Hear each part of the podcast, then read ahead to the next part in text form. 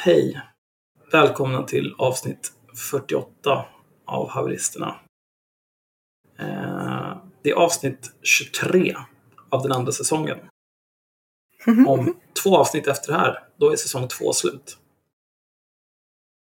Måste vi börja fundera ut ett namn på den tredje säsongen. Det kan ju inte vara en gritty reboot igen. Eller? Nej, vi har ju pratat om det här. Jag hade ju någon tanke om att vi skulle byta ut oss själva mot andra eh, personer. Åh gud vad skönt att få outsourca den här skiten. Ja, undrar hur mycket det skulle kosta att outsourca hela poddandet till Indien. Det tror jag inte skulle kosta så mycket faktiskt. Räcker Patreon-pengarna eller behöver vi fler patrons? Vi Vad är det för jävla plingande och musik och skit i bakgrunden? Jag blir rasande. Det är Josefin som tittar på någon slags TV. Josefin!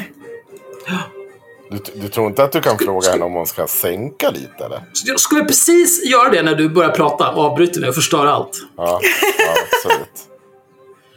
Josefin... Va? Lite grann. Tack. Tack. Tack. Oj, vilken kuck! Ja, men jag, jag, jag försöker hålla god ton med folk som kan skära halsen av mig i sömnen. Ja, jag förstår det i och för sig. Josefin är väldigt fin och trevlig. Mm, Och känns också som någon som skulle kunna skära halsen av dig i sömnen samtidigt. Så, precis ja, det är helt rimligt. Jag tänker säga på en gång idag att jag eh, har en begynnande huvudvärk som jag inte riktigt är säker på om det är en migränattack. Eh, det har varit en massa jävla tjafs om eh, att människor vill ha sam samvetsfrihet för aborter som har varit helt efterblivet. Eh, och egentligen vill jag bara dö den här veckan. Så jag vet inte, jag tänker att om, om alla kan se på, den här, på det här poddavsnittet som typ, eh, tänk så här när man, man går hem med någon på fyllan och så tror man att man vill ha sex och så börjar man ha sex med dem och så känner man så här, åh fy fan vad jobbigt det här var. Alltså egentligen så vill jag ju bara typ kräkas och sova och sen vill jag äta pizza när jag vaknar imorgon. När man är lite för full, Ja, den man ligger med är lite för ful och det är lite för högsommar så att det är alldeles varmt och kladdigt precis överallt. Ja, och så vill man, så känner man så här, jag vill egentligen typ inte ha sex. Fast å andra sidan så, så är jag inte så störd av det. Jag tycker inte så illa om det att jag känner att det är värt att avbryta det heller. Utan det är bättre att bara få det här överstökat nu så vi kan, bli, vi kan sluta med det här tråkiga. Och anledningen till att vi känner så, det är att vi har för få patrons. Om vi hade lite fler patrons skulle vara bättre. Vi har, vi har haft, eh, förra månaden så hade vi en mycket bättre tillväxt. Då hade vi 44 patrons på månaden. Nu är det den 22 maj, det är en onsdag. Och vi har bara fått 20 nya patrons den här månaden. Ligger efter i kurvan, det är inte bra. Det är ändå många. Det är en om dagen nästan. Nej, det ska vara, det ska vara en och en halv till två om dagen, annars är det inte bra. Kan ju tacka dem som faktiskt höjde sin pledge sen förra avsnittet. Det är ju lite kul att få den typen av feedback. Att det inte är nya utan det är faktiskt folk som höjer. Men framförallt så, även om det inte är Patreon så kan ju, det, det kostar ju ingenting med en delning eller två. En, någon rekommendation av podden, era jävla snålfittor. Åh herregud. Nu är du riktigt billig, Ja. Henrik. Jag, det, det, det kostar ingenting med ett litet extra hjärta på vår Facebook-sida. En liten rekommendation. Om ni ska vara snålkukar. Oj. Ja, eh, ja nej, men det kan vi visst. Vi kan tacka folk. Tack till William och Eleonora som har höjt sina pledges. Ni är duktiga. Mm. Förebilder. Vad gulligt. Vad glad jag blir. Nej men det är väl jättekul att, eh, att vi får in patrons. Eh, det är ju väldigt mycket sådär. Det framförallt så är det väl skönt att veta att det faktiskt finns folk som uppskattar det vi gör. Jag ser varje Patreon-grej som ett steg närmare min Bahamasresa. Där jag bara ska ligga och vara fet på en strand, äta, dricka och bara skicka odrägligt många bilder hem till Där Sverige. du och Axel ska ligga och, ligga och bli grillade som två tjocka korvar på stranden. Mm. Det är perfekt. Eh, ja, det här är då återigen avsnitt 48 av Haveristerna. Jag heter Axel. Myra heter Myra. Henrik heter Henrik.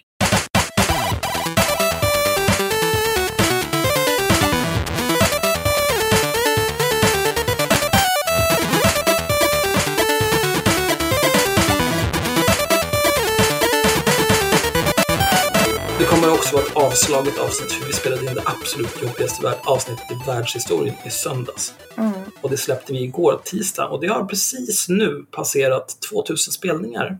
Mm. Det är inte medräknat Spotify, så det är väl ganska okej, antar jag. Mm. Eh, men det är inte därför vi är här. Idag ska vi börja med en högläsning. eh, om du av outgrundlig anledning lyssnar på det här avsnittet innan du har lyssnat på avsnitt 47. Då dels behöver du tänka över ditt liv och fundera över varför du inte kan räkna. Eh, men du behöver också lyssna på avsnitt 47 för att eh, en omnämnd person i det avsnittet har skrivit en recension av det avsnittet. Och det är såklart yrkeshaveristen och snackpåsen med bildningskomplexet Jan Björklund. Mannen som, var- som vi inte ska nämna vid namn, men han heter likadant som Liberalernas partiledare. Mm. Mm. Ja, då nämnde vi inte honom vid namn. Det, allt handlar om eh, kukar. Handlar om. Ja. Eh, men då ska vi se här. Den här eh, recensionen skrev han igår tisdag. Publicerades 15.09. Jag, jag tror inte att Jan har någonting emot att vi läser upp den här för att han kommenterade på haveristernas Facebook-sida och skrev Ja, recension av det här avsnittet finns på min sida. Han älskar ju det här tror jag. Ja, Han har aldrig fått så här mycket uppmärksamhet i sitt liv. Mm. Jag tror att han, jag tror att han njuter av varje sekund. Sitter där med sina rattfyllopolare och bara Kolla vad smart jag är. Har du något jobb Jan? Har du något jobb? Med all din jävla utbildning. Åh jävlar. Fan vad arg. Mm. Mm. Eh, vi ska se här. Vi börjar. Om äkta och falska ankister. Både Kalle och Arne Anka har sina efterföljare. Men det finns äkta och falska ankister. På samma sätt som det finns äkta och falska haverister. De äkta drivs i grunden av ett rättspatos som kan slå över. Oh, absolut. Samtidigt kan en kolerisk ankkaraktär vara till hjälp för att varva upp sig till den rätta nivån. Men de äkta ankisterna och haveristerna slår uppåt, mot makten och översittarna. De falska hånskrattar de som redan ligger ner. Hånskrattar åt de som redan ligger ner. För att vara en äkta ankist krävs det mod. Men den som slår neråt är bara en feg mobbare. Nu har ett litet gäng av Arne Anka-wannabes slagit sig ner vid hans bord i tron att if it quacks like a duck and walks like a duck, then it's a... De dricker samma fulöl som han, de använder samma mustiga språk som han. Men när Arne fått i sig några bärs når hans fyllesnack upp till filosofiska nivåer. Till och med fulorden väcker skräckblandad förtjusning. De falska ankisterna vräker hela latrintunnor över folk de ogillar med en annan effekt. Snusket har returbiljett. Det säger mer om den som uttrycker det. Mm, stark inledning här. Mm. Eh, har ni läst Arne Anka? Ja. Mm. Jag förstår inte vad han vill säga, men det, det, det är nog mycket för att jag inte riktigt lyssnar. Alltså, Han har ett sånt där sätt att skriva på där man typ tappar tråden hela tiden när man läser det. men det är för att han slår knut på sig själv för att verka smart. Ja, exakt. Och då, då tappar jag fokus när jag läser. jo men de här människorna de är ju alltid också så att då är det inte mig det är fel på. Det är dig det är fel på. Det är så här människor som inte förstår att Mm. det blir inte bättre ju svårare du skriver. Utan det blir bara mer obegripligt. Nej, för Erik Vanderheg skriver också sådär. Ja. Det är Mm. någonting i sättet han skriver som gör att jag kommer halvvägs in i ett stycke och sen så bara tappar jag tråden helt och glömmer bort det. Det är som, ni vet när man är jättetrött och så försöker man läsa saker på engelska och så sitter man bara liksom och läser och läser. Och sen inser man efter en hel sida att bara, jag har ingen aning om vad det är jag har läst. För att det har liksom inte, det är som att de skriver på ett annat språk typ. Ja, men det är bildningskomplexet. Då blir det så här. Ja, Alltså jag gillar det lite grann. Alltså jag har ingenting emot att bli liknad med Arne Anka. Arne Anka har lärt mig allt jag kan. Men är det Arne Ankan liknande? Det var det jag inte riktigt fattade. Jo, det är Arne Anka han liknar sig. Eller liksom det vulgära i Arne Anka. Men det kan jag ju leva med. Absolut. Jag gillar också att han, eh, de använder samma mustiga språk som han. Mustigt är fint. Jag gillar att ha mustigt språk. Ja, eh, hon som Joel bor med vet hur mycket jag älskar ordet mustigt. Mm. Mm. Men vi fortsätter. De falska ankisterna har kommit att intressera sig för det så kallade Anna och Elias-fallet. Sin vana trogen slår de neråt, i slutändan mot det utsatta barnet, den pojke som bevisligen älskar sin mamma och är livrädd för sin pappa. Och naturligtvis ska de ge sig på den terapeut som blev personligen engagerad i fallet. När man inte söker sanningen utan bara vill få ett gapflabb över bärsen blir det så. Det här är ju eh, sin vana trogen slår de neråt. Jag vet inte, har vi någonsin gjort det? Jag skulle väl säga att de vi kritiserar har ju i allt en typ större plattform och liksom så än vad vi har. Så att jag vet inte, jag skulle inte säga att vi slår neråt i det här fallet. Jag kan tänka mig att vi har gjort det liksom när det är antingen någon så eh, vänsteridiot eller någon SD-idiot. Bara någon random liksom som har skrivit någonting riktigt jävla efterblivet. Mm. Och så har vi läst upp det och bara shit, vilken jävla kromosommiljardär alltså. Hur kan man Mm. bli så här jävla miljöskadad? Mm. Det, men annars är det ju liksom folk som, som skriver på ledarsidor. Ja. Eh, folk som är miljonärer och politiker. De ser ju sig själva som obekväma sanningssägare. Det är lite grann som, det är precis som, som Heberlein Ann. När hon är så här, åh jag är så censurerad, trots att hon har mer yttrandefrihet än alla i hela världen. Ja. Det är ju symptomatiskt. Det är också den här halmgubben att vi, det här är ett angrepp på pojken. Alltså vi, vi pratade ju knappt om pojken förutom att... Nej, men han gömmer sig bakom det där för att han ska slippa liksom. Ja, men det är ju en halmgubbe liksom. Det är ju, Mm. Man kan ju tycka att om Jan Björklund vore intellektuellt hedlig, så intellektuellt hedlig som han låtsas med tanke på sina meriter och så vidare, Mm. då kanske han skulle sätta sig ner med det jävla snacket. Ja, kanske. Och sen ska ge sig på den terapeut som blev personligen engagerad i fallet. Det vill säga Hans Gagnell som frågade morsan vad han skulle skriva i utlåtandet. Som tog ett Mm. lån på 250 lax och gav det till henne. Som ville bilda familj med mamman och pojken. Absolut. Även det här att som uppenbart är livrädd för pappan och någonting, någonting med mamman är ju lite spännande. Som bevisligen älskar sin mamma och är livrädd för sin pappa. Ja, jag vet inte. Så kan det ju vara. Eh, men bevisligen tvek. Skulle ni hittills kunna eh, säga att Jan tar ställning för mamman eller pappan? Alltså hittills tar han ju ställning för mamman. Ja, okej, bra. Mira, du håller med? Ja. Ja, bra. Då kan vi fortsätta läsa. Det är framförallt det senaste stycket då. Mm. Eh, allt, precis som vi pratade om, den pojke som bevisligen älskar sin mamma och är livrädd för sin Mm. pappa. Och sen försöker han skydda Hans Kagnell genom att säga att han bara blir personligen engagerad och hej och. Mm. Mm. Inte att han försöker bli pojkens nya pappa, det nämner han inte. Nej, Nej. det ska bli en liten familj. Alltså, han är så sjuk i huvudet. Det är Ja, så äckligt. Alltså, ja, Ja, vi Ja. kör. Mm. Att en känd så kallad retorikexpert ger sig inför denna sorts retorik avslöjar att hon egentligen är en vindflöjel som ynkligt ger sig inför hånet.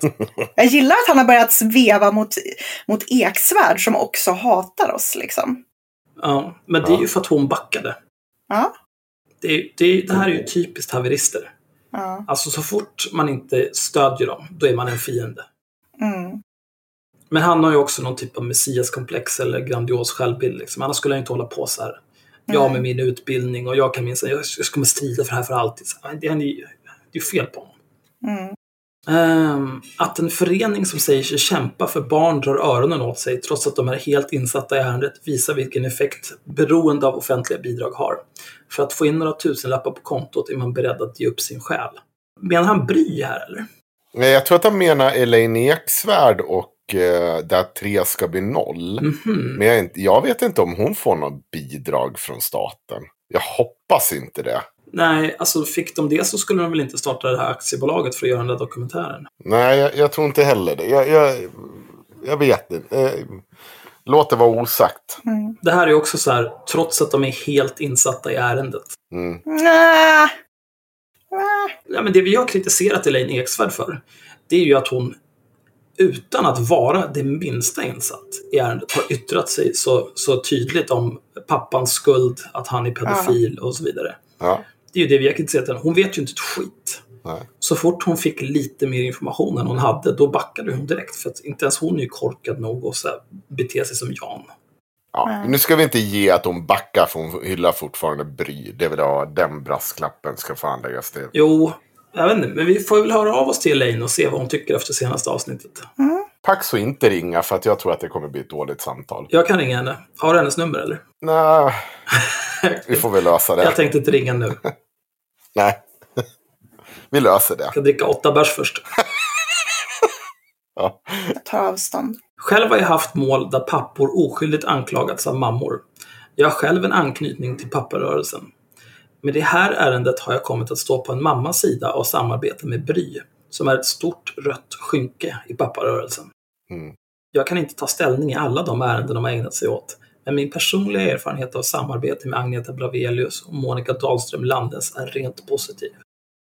De har en sällsynt lojalitet och ärlighet. Mm. Det säger ju absolut ingenting om de kan ta rationella beslut och eh, ha någonting innanför pannbenet. Att du är lojal med någonting, det, det, säger ju ingenting. Du kan ju vara lojal med Hitler in i döden. Mm.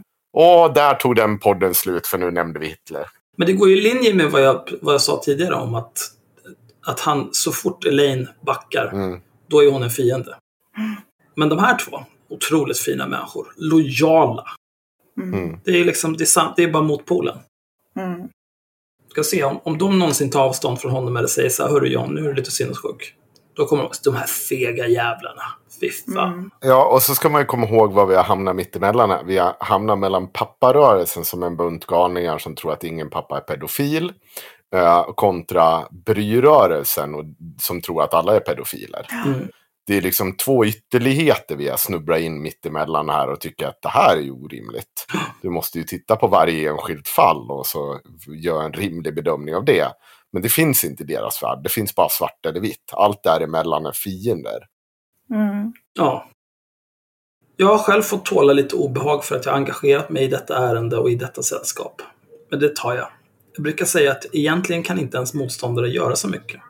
De kan ta heder och ära av en, de kan göra en utfattig och de kan döda en. Är man inte rädd för något av detta finns det inte så mycket att vara orolig för. Ja, men nu får du väl ge dig. Nej, men jag vet inte. Vad mer finns det? De kan inte göra så mycket, bara allt det här. Ja. Men alltså, han får väl ändå ge sig liksom. Det är väl ingen som kommer döda honom för att han sitter och liksom havererar in. Alltså, du får skärpa sig med sitt storhetsvansinne. Alltså han har ju rätt i att han kan bli fråntagen heder och ära. Mm. Men så som han yttrar sig och beter sig så liksom det, det skulle gå per automatik ändå. Mm. Det handlar bara om att vi möjligtvis kanske påskyndar förloppet lite grann genom att sprida hans vansinne till en större publik än vad han hade innan. Mm. Mm. Men jag tror inte att det har någon påverkan på varken hans heder eller ära egentligen.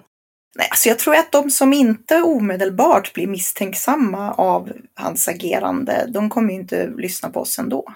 Nej, Jag tror inte att de är vår målgrupp. Liksom. nej. Men Axel, läs nästa stycke. För det här tycker jag är bra. Mm. Min position är enkel. Jag tar egentligen inte ställning för mamman eller pappan, så som myndigheterna brukar göra. Nej, nej. Nej, nej, nej, nej. Så som myndigheterna brukar göra, det som är myndigheternas uppgift, när de ska reda ut vårdnadstvister och sånt. Det är en jävla dåre. Ja. Men det, och så fortsätter han med det här. Ja, fortsätt. Ja. Socialtjänst och polis har, inte bara i detta fall, manipulerat barns utsagor inom ramen för de så kallade barnahusen. De inrättningar som tillkom för att vara en säker plats för barnen, men som ofta kommit att fungera som fällor för den anmälande föräldern. Ja. Du, du tar ju ställning för mamma, ditt jävla CP. Vad är det för fel på det? Det gjorde han ju redan i liksom, tredje stycket. Mm. Den pojke som bevisligen älskar sin mamma och är livrädd för sin pappa. Mm. Och så stackars Hans Kagnell. Mm. Jag står upp för barnet och granskar de uppgifter jag ser i officiella dokument. Ankisterna säger att de kan läsa sådana dokument. De kan säkert läsa orden. Det lär man sig redan på lågstadiet. Shit, var du så talanglös att du inte lärde dig läsa förrän på lågstadiet, Jan? Mm. God damn, alltså. Men kan de läsa mellan raderna? Kan de sätta ordmassorna i sitt sammanhang? Kan de göra källkritik? Kan de se förhörsledarnas finter när de stoppar förhören precis när pojken är på väg att berätta? Förstår de vad det betyder när socialtjänst och polis går ihop till en enhet som fifflar med underlagen och driver åklagaren framför sig som en galjonsfigur? Nu säger han det där igen. Det där med att det ska finnas en konspiration. Ja, där som man hävdar. Nej, han, nej, nej han, han har inte tagit ordet konspiration i sin mun. jag tänker också. Så himla Ja, roligt. ja, och för er som inte fattar, ni borde ha lyssnat på avsnittet innan, annars ja, ni får skylla er själva. Vi varnade er faktiskt. Ja. Mm. Han är ju riktigt jävla tappad om ni inte har lyssnat på avsnittet innan. Det är ett väldigt bra avsnitt. Lyssna på det. Det är mycket bättre än det här förmodligen. Förstår de vad det betyder när socialtjänst och polis går ihop till en enhet som fifflar med underlagen och driver åklagaren framför sig som en galjonsfigur. Så det är socialtjänsten, polisen och åklagaren som håller på att förfalska dokument för att få den utkomst de vill ha. Men det är inte en konspiration. Och precis som jag sa förra gången jag intervjuade honom så sa jag det att ja, men så fort någon inte säger nog så saknas det. Eller, jag, jag kommer inte ihåg hur jag formulerade mig. Men just det här att ja, men nu var ju pojken på väg att säga någonting. Men eftersom Ja. det är slut nu så ja, då, då kan, han skulle ha sagt det här bara om ni fortsatte prata med honom. Mm. Han skulle ha sagt det här om han inte, inte hade gjort det. Ja, Det håller ju inte riktigt som bevisning i en utredning. Nej. Alltså jag, jag jag kan tycka liksom att någon som... Han var ju otroligt stolt över sin utbildning. Mm. Mm. Han är ju jurist också. Han, han måste ju begripa att det inte funkar att säga så. Nej. Ja, men hade inte det här hänt, då hade vi fått reda på någonting, hel, någonting som hade ställt hela fallet på ända. Ja, men nu Mm. fick vi inte reda på det, så då finns det inte. Du kan inte bara fabulera fram saker på det där viset. Ja, vi kör. Mm. Annas och Elias fall visar tydligt följande. Barnahus Stockholm är en skam för Stockholmspolisen. Socialtjänsten Östermalm är en skam för Stockholms stad. Det arbete som företaget Dead Cares Consult har gjort från början är en skam för Uppsala kommun. Haveristerna är en skam för det arbete i folkupplysningens tjänst som svensk arbetarrörelse en gång stod för. Vad, är vi svensk arbetarrörelse nu? Mm, vi är sossarna nu. Mm. Jaha. Är verkligen gapflabbande åt offer för myndighetsövergrepp det enda som återstår. Förr eller senare bör detta fall bli utgångspunkten för parlamentarisk granskning av det systematiska manipulerandet av barns utsakor som görs av socialtjänst och polis med utgångspunkt i barnahusen. Jag har fler fall att redovisa, men det är ingen konspiration. Ja, det är Kom ihåg det, det är ingen konspiration. Jag eh, är villig att sätta fem lax, Jan Björklund, om du hör det här. Du behöver inte ens sätta emot det. Att inom loppet av tio år så kommer vi inte se en parlamentarisk utredning av det här. Men om tio år, då ska jag få slå dig på käften. Oj jävlar, jag tar avstånd. Ja, nej, nej, men, Mm. nej, men det, det, är en, det är en vadslagning. Alltså, han Ja, ja. går med på det frivilligt. Tio lax. Ja, absolut. Nej, fem lax sa jag. Ja, jag kan säga tio. Ja, nej, men jag lägger fem till. Okej. Om du lägger tio. Ja, 20 ja, bra. bra. Eh, om, inom tio år så kommer det inte ha skett det. Det enda du behöver sätta emot är att jag ska få slå dig på käften. Varför vill du slå honom på käften? Ja, men jag Ja, bara vill onödigt. det. Och sen vill jag bara säga, hur känns det? Hur känns det med din jävla utbildning? Var den värt någonting? Din jävla sopa. Nu, nu, håller, nu håller arbetargrabben på att bli så här. Det är, en, det är en vadslagning. Det är inte ett hot på någonting. Jag vill vara väldigt tydlig. Han, det, han får ju gå med på det frivilligt. Jag kommer aldrig gå och slå honom det, ofrivilligt. det är lite Det dumt. hotfullt att du, är så, att du är så peppad på att slå honom på käften skulle jag säga. Men ska Henrik bli dömd för tankebrott här nu? det var det dummaste. Alltså jag skjuter folk i huvudet i mitt huvud dagligen. Det, det får man Du göra. är ju redan dömd Axel, vi kan väl låta Ja, jag, bli. visst, jag har betalat 27 lax för att få säga det där. Det är inga Jag problem. tror inte att det är så att om du blir dömd en gång så får du säga det resten av livet sen. Så tolkade jag det. Jag har inte fått information som tyder på motsatsen, så nu är det så. Mm. Annars är det en konspiration av polis och socialtjänst. Jag har eh, en bonuskommentar från Janne. Eh, han skriver så här till mig. Henrik Johansson. När du, Henrik. Er argumentationsteknik har djupa rötter. Man klumpar ihop motståndare i en enda röra, precis som en viss rörelse gjorde på 30-talet. Oh! Klumpar ihop världsjudendomen, kommunismen och kapitalismen i Der Strumers politiska teckningar. Så han är lika utsatt som Oj. judarna. Mm. Ja, Janne. Mm. Han som har läst så mycket, fråga om han har läst om Godwins lag någon gång. Mm, det skulle man kunna göra. Jag har... De är ju överlag dumma i huvudet de här. Den som vill, jag kan länka den här tråden i- till avsnittet. Så kan ni, det finns ju en hel del saltiga kommentarer här. Ja, Mm. Det är någon, som, någon jävla gubbe som ska ringa till Henriks chef. ja. Det är han rattfyllegubben. Jag har varit lite irriterad på honom. Mm. Jag, jag är mest kränkt över att han påstår att vi är en del av arbetarrörelsen. Mm, Ja. Jag vet inte. Jo, men det är ju för att han är en Sveriges. Alltså, Mm. Sveriges-mentaliteten. Jag pratade med min Mm. chef idag så att det eventuellt kan ringa någon fullgubbe från Värmland och gnälla över att jag är otrevlig på internet. Mm. Men ja, Men hon måste väl vara van, eller? eller hen. Nej, det är en hon faktiskt. så att, ja. Det är en hon. Mm. Nej, jag vet inte vad jag ska säga. De får ringa och gnälla bäst de vill. Jag tror inte det påverkar mitt arbete för fem öre helt. Det här är ju lite kul för vi ska ju prata både om eh, människor som, eh, om, som... Vi ska ju prata mer om människor som försöker deplattforma andra. Mm, det ska vi göra. Men framförallt så vill jag gå och eh, hämta lite mer rosé. Nej, inte redan. Jo, men jag råkade dricka upp det för första. Ja.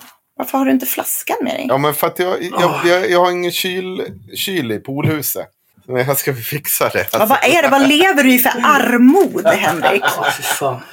Ingen kyl i poolhuset. Är du någon sorts bonde? Trasproletariatet alltså. Nej, det här, det här går Jag inte. kommer snart. Vi måste lägga ner podden.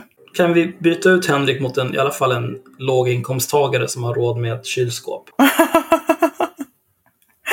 Ja, nej, det här går ju inte. Jo, jag ska, ju- jag ska ju på debatten mellan Kasselstrand och Bard. Eh, där de ska prata om typ nationalism och eh, Stammen. stammen, ja precis. Typ enbart män.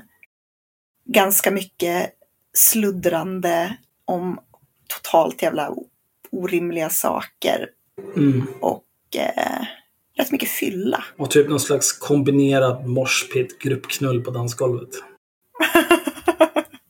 ja, det hoppas jag att jag slipper faktiskt. Själv ska jag på fredag åka till eh, Malmö, Sveriges anus. Jaha, vad ska du göra där? Ska hälsa på en kompis och en supa mig efterbliven. Trevligt. Vadå för något? Senast jag var i Malmö, Jaha, ska vi där nu? då, då blev jag mästrad. Mhm. Jag tänkte att jag skulle förekomma alla. Mm. Eh, Så jag skulle slippa något sånt här om att stockholmare är dryga. Så jag, redan när jag kom dit så var jag en dryg stockholmare för att de bara skulle vara tysta liksom, och prata om något annat. Då blev jag mästrad om, eh, vi var på någon typ av eh, bögklubb. Mm. Så när vi kom in där så var det en av dem jag var med som bara, "Ah, ja, jag vet inte om du har förstått det än, men det här är en gaybar. Bitch. Vi har 30 sådana här i varje kvarter i storstan där jag kommer ifrån, den här jävla hålan på landet. City. För fan. Ja, fan, jag hatar Malmö. Jag vill verkligen inte åka. Jo, det kommer bli trevligt. Det kommer bli bra. Mm. Åh, gud. Mm. Ska vi gå in på nästa oförrätt då? Ta med dig Fabbe förresten. Han har pratat om att åka till Malmö. Då kan du få ressällskap i alla fall. Oj. Nej, det har jag redan. Ja, men då så. Då är det. Jag skulle aldrig åka dit själv.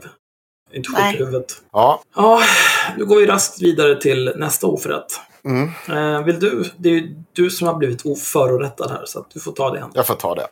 Det här är ju en väl bevarad hemlighet för alla haverister. Har, det har, jag har verkligen seta och bitit mig i tungan för att inte säga någonting. Men eh, jag har ju varit, gått och blivit polisanmäld. Eh, delvis på grund av den här podden. Och eh, det är... jag vet inte om det är mest på grund av den här podden. Men man, ja, vi kommer dit. Jo, det tror jag. Hur som haver, organisationen Make Equal, jämlik, jämställdhetsorganisationen Make Equal, gick och polisanmälde mig här i mitten på april. Efter att jag hade anmält mig till deras konferens om näthat. Som du och jag Axel skulle gå på. Mm. Eh, för min del var det ju faktiskt inte så mycket att jag skulle gå dit och sitta och skrika eller på något sätt. Utan jag tyckte det var genuint intressant. Det är ju inte en fråga som har, jag inte har pysslat med så att säga. Eh, på plats skulle det vara lite politiker, polis och Facebook. Och det är inte jätteofta Facebook är på plats för att stå till svars för någonting. Så det var... Det hade varit väldigt intressant att gå på den här. Mm. Eh, Så jag anmälde mig där någonstans i mars. Jag är inte helt säker. Ganska tidigt. Och det var tyst ganska länge. Fram tills dess att jag får det här mejlet. Så jag ska läsa upp det för er. Alltså jag insåg idag när jag satt mig inför det här avsnittet att jag har ju gått och blivit den här uh, permibilen. Ja, personen. Mm. Alla oförrätter, Mm. det har ju jag liksom i en perm. Fast det är på datorn då. Lite mer digitalt. Får man ju säga. Jag kan säga, jag anmälde mig till det här samma dag som du gjorde. Ja. Eh, jag, fick en, jag fick en bekräftelse den 16 april. Så det var väl ett par dagar innan dess Ja som vi anmälde oss. Så här står det, och jag fick också svar den 16 april. Hej! Du har anmält dig till vår näthatskonferens den 2 maj. Vi har beslutat att inte ge dig inträde med hänvisning till, till vår personals trygghet och arbetsmiljö. Med anledning av en av våra medarbetares upplevelser. Det finns även polisanmälan mot dig i samma ärende. Konferensen sänds live och kan ses på distans. Tycker jag är lite konstigt. Men eh, det är skickat då från Frida Hasseblad, vd och jämlikhetskonsult Make Equal. Eh, VD. Ja, vd. Jag blev ju lite smått ställd när jag får det här mejlet. Eh, och den första tanken, så det går ganska många tankar i huvudet på mig. Eh, först och främst såklart, varför är jag polisanmäld? Och framförallt, jag har inte omnämnt den här organisationen sedan avsnitt 27, den 13 maj 2018. Alltså i princip ett år innan det här mejlet kommer. Ja, 11 månader innan det här mejlet kommer. Och jag definitivt... Ganska länge för att Ja. göra en polisanmälan. Precis. Eh, och jag har inte pratat med någon representant från Make Equal sedan 1 maj 2018. Så det blir ju lite konstigt när man kommer och anmäler sig till näthatskonferens och blir anmäld för ofredande. Först och främst så är det ju så att när det sker så är det inte, alltså så här, man är ju bestämd att jag, som den haverist man är, jag har ju inte gjort någonting, jag har inte begått något fel, jag, det här kan liksom aldrig bli någonting av. Men man kan ju inte låta bli att bli stressad av det. Alltså man vill ju veta vad det är man har gjort. Jag ställer frågan till eh, eh den här Frida Hasselblad och redan den 16 april ställer jag frågan. Jag skulle också vilja veta när polisanmälan upprättades. För jag förstod redan då att det här är ju inte en polisanmälning som kom för ett år sedan. Utan det här är en polisanmälning Mm. som har kommit nu. I och med att jag ska till den här. Ja, typ i samband med att du anmälde dig till... Ja, precis. Eh, men hon vill inte svara på det. Hon säger så här. Hej! Huruvida du kan ha begått något brott som går att bevisa kommer polisen få utreda och besluta om. Om det beslutat att gå vidare med anmälan kommer du bli kontaktad av dem och få ge din syn på saken. Jag kan som arbetsgivare inte ge mer information men det behöver inte hindra dig från att eh, kunna få ut mer information om du så önskar. Det är inte så jävla lätt att få ut polisanmälningar eh, för att, och det finns en anledning att det inte ska vara lätt heller. Så det är inte så att jag tycker att polisen ska ändra dem. För att vilket jävla psyko som helst kan ju då sitta och kolla av om den blir polisanmäld och kanske, Vem som anmält dem och för vad. Ja. Och, ja. och liksom Övergrepp i rättssak. Men nu, nu var det ju inte så svårt för mig att lista ut det här eftersom jag i princip bara haft personlig kontakt med en person från Make Equal. Och jag tänker inte nämna dess namn, men eh, Varför inte då? i avsnitt 27 Måste du ha gjort det förut? i avsnitt 27 så kan ni lyssna på en inspelning med denna person. Nu är du så här dålig på att anonymisera igen. Ja. Men hur ska vi göra? Det här är ju, det blir ju konstigt. Säg vad hon heter. Ja, Kristina Wicksell heter hon. Ja. Det är väl inga konstigheter? Nej, Det, är, det är ju ingen typ av förtal eller några hemligheter. Nej. så är Det är det. ju, de, de, de vill ha det så här. Ja, det är det hon vill ha. Men, eh, för jag vet ju när det här samtalet skedde. Alltså, du, du har ju inte berättat egentligen anledningen till att du började eh, kritisera Make Equal hade ju att göra med att de samarbetade, stod på en lista med det. Alltså, kan, du, kan du bara dra snabbt hela... För det var väldigt länge sedan vi pratade om det här sist. Så jag tänker Ja, att, jag vet. Det, det är nog många nytillkomna lyssnare. Men- Men den 2 oktober 2017, då går eh, Make Equal ut eh, med en lista där man Ehm, man har gått till regeringen och på en bild sitter Kristina Wiksell och Ida Östensson tillsammans med Alice Bah Kuhnke, dåvarande kultur och demokratiminister. Eh, och då har man gjort en lista då, då till de som de eh, ska eh, till regeringen där man säger att nu jävlar ska vi ta i hårda tag mot eh, näthat och så vidare. Ett av de här kraven var att man skulle införa, eh, vad heter det, ägaransvar på mobiltelefoner och datorer. Det vill säga att eh, om du tappar din mobil Eh, då är det du som sen blir straffad om någonting sker från din mobil. Exakt vad det var man skulle bli straffad för, om det säger att någon slags vad säger, egenmäktigt förfarande, alltså att man, eller det, är det rätt ord? Nej. Nej. Nej. Oaktsamhetsbrott, så var det. Oaktsamhetsbrott eller om man faktiskt skulle bli straffad från det som hade hänt från din mobil. Det var oklart. Och i vilket fall som helst, så att jag menar ett oaktsamhetsbrott, det är ju böter på ett par hundra. Det är ju ingen stor grej. Och det, vad, vad, ska det hjälpa mot näthat? Men framförallt så tyckte jag att det var konstigt att ska man verkligen bli straffad för saker som sker om man inte kan belägga att det är du? Ska du liksom börja bevisa att du är oskyldig?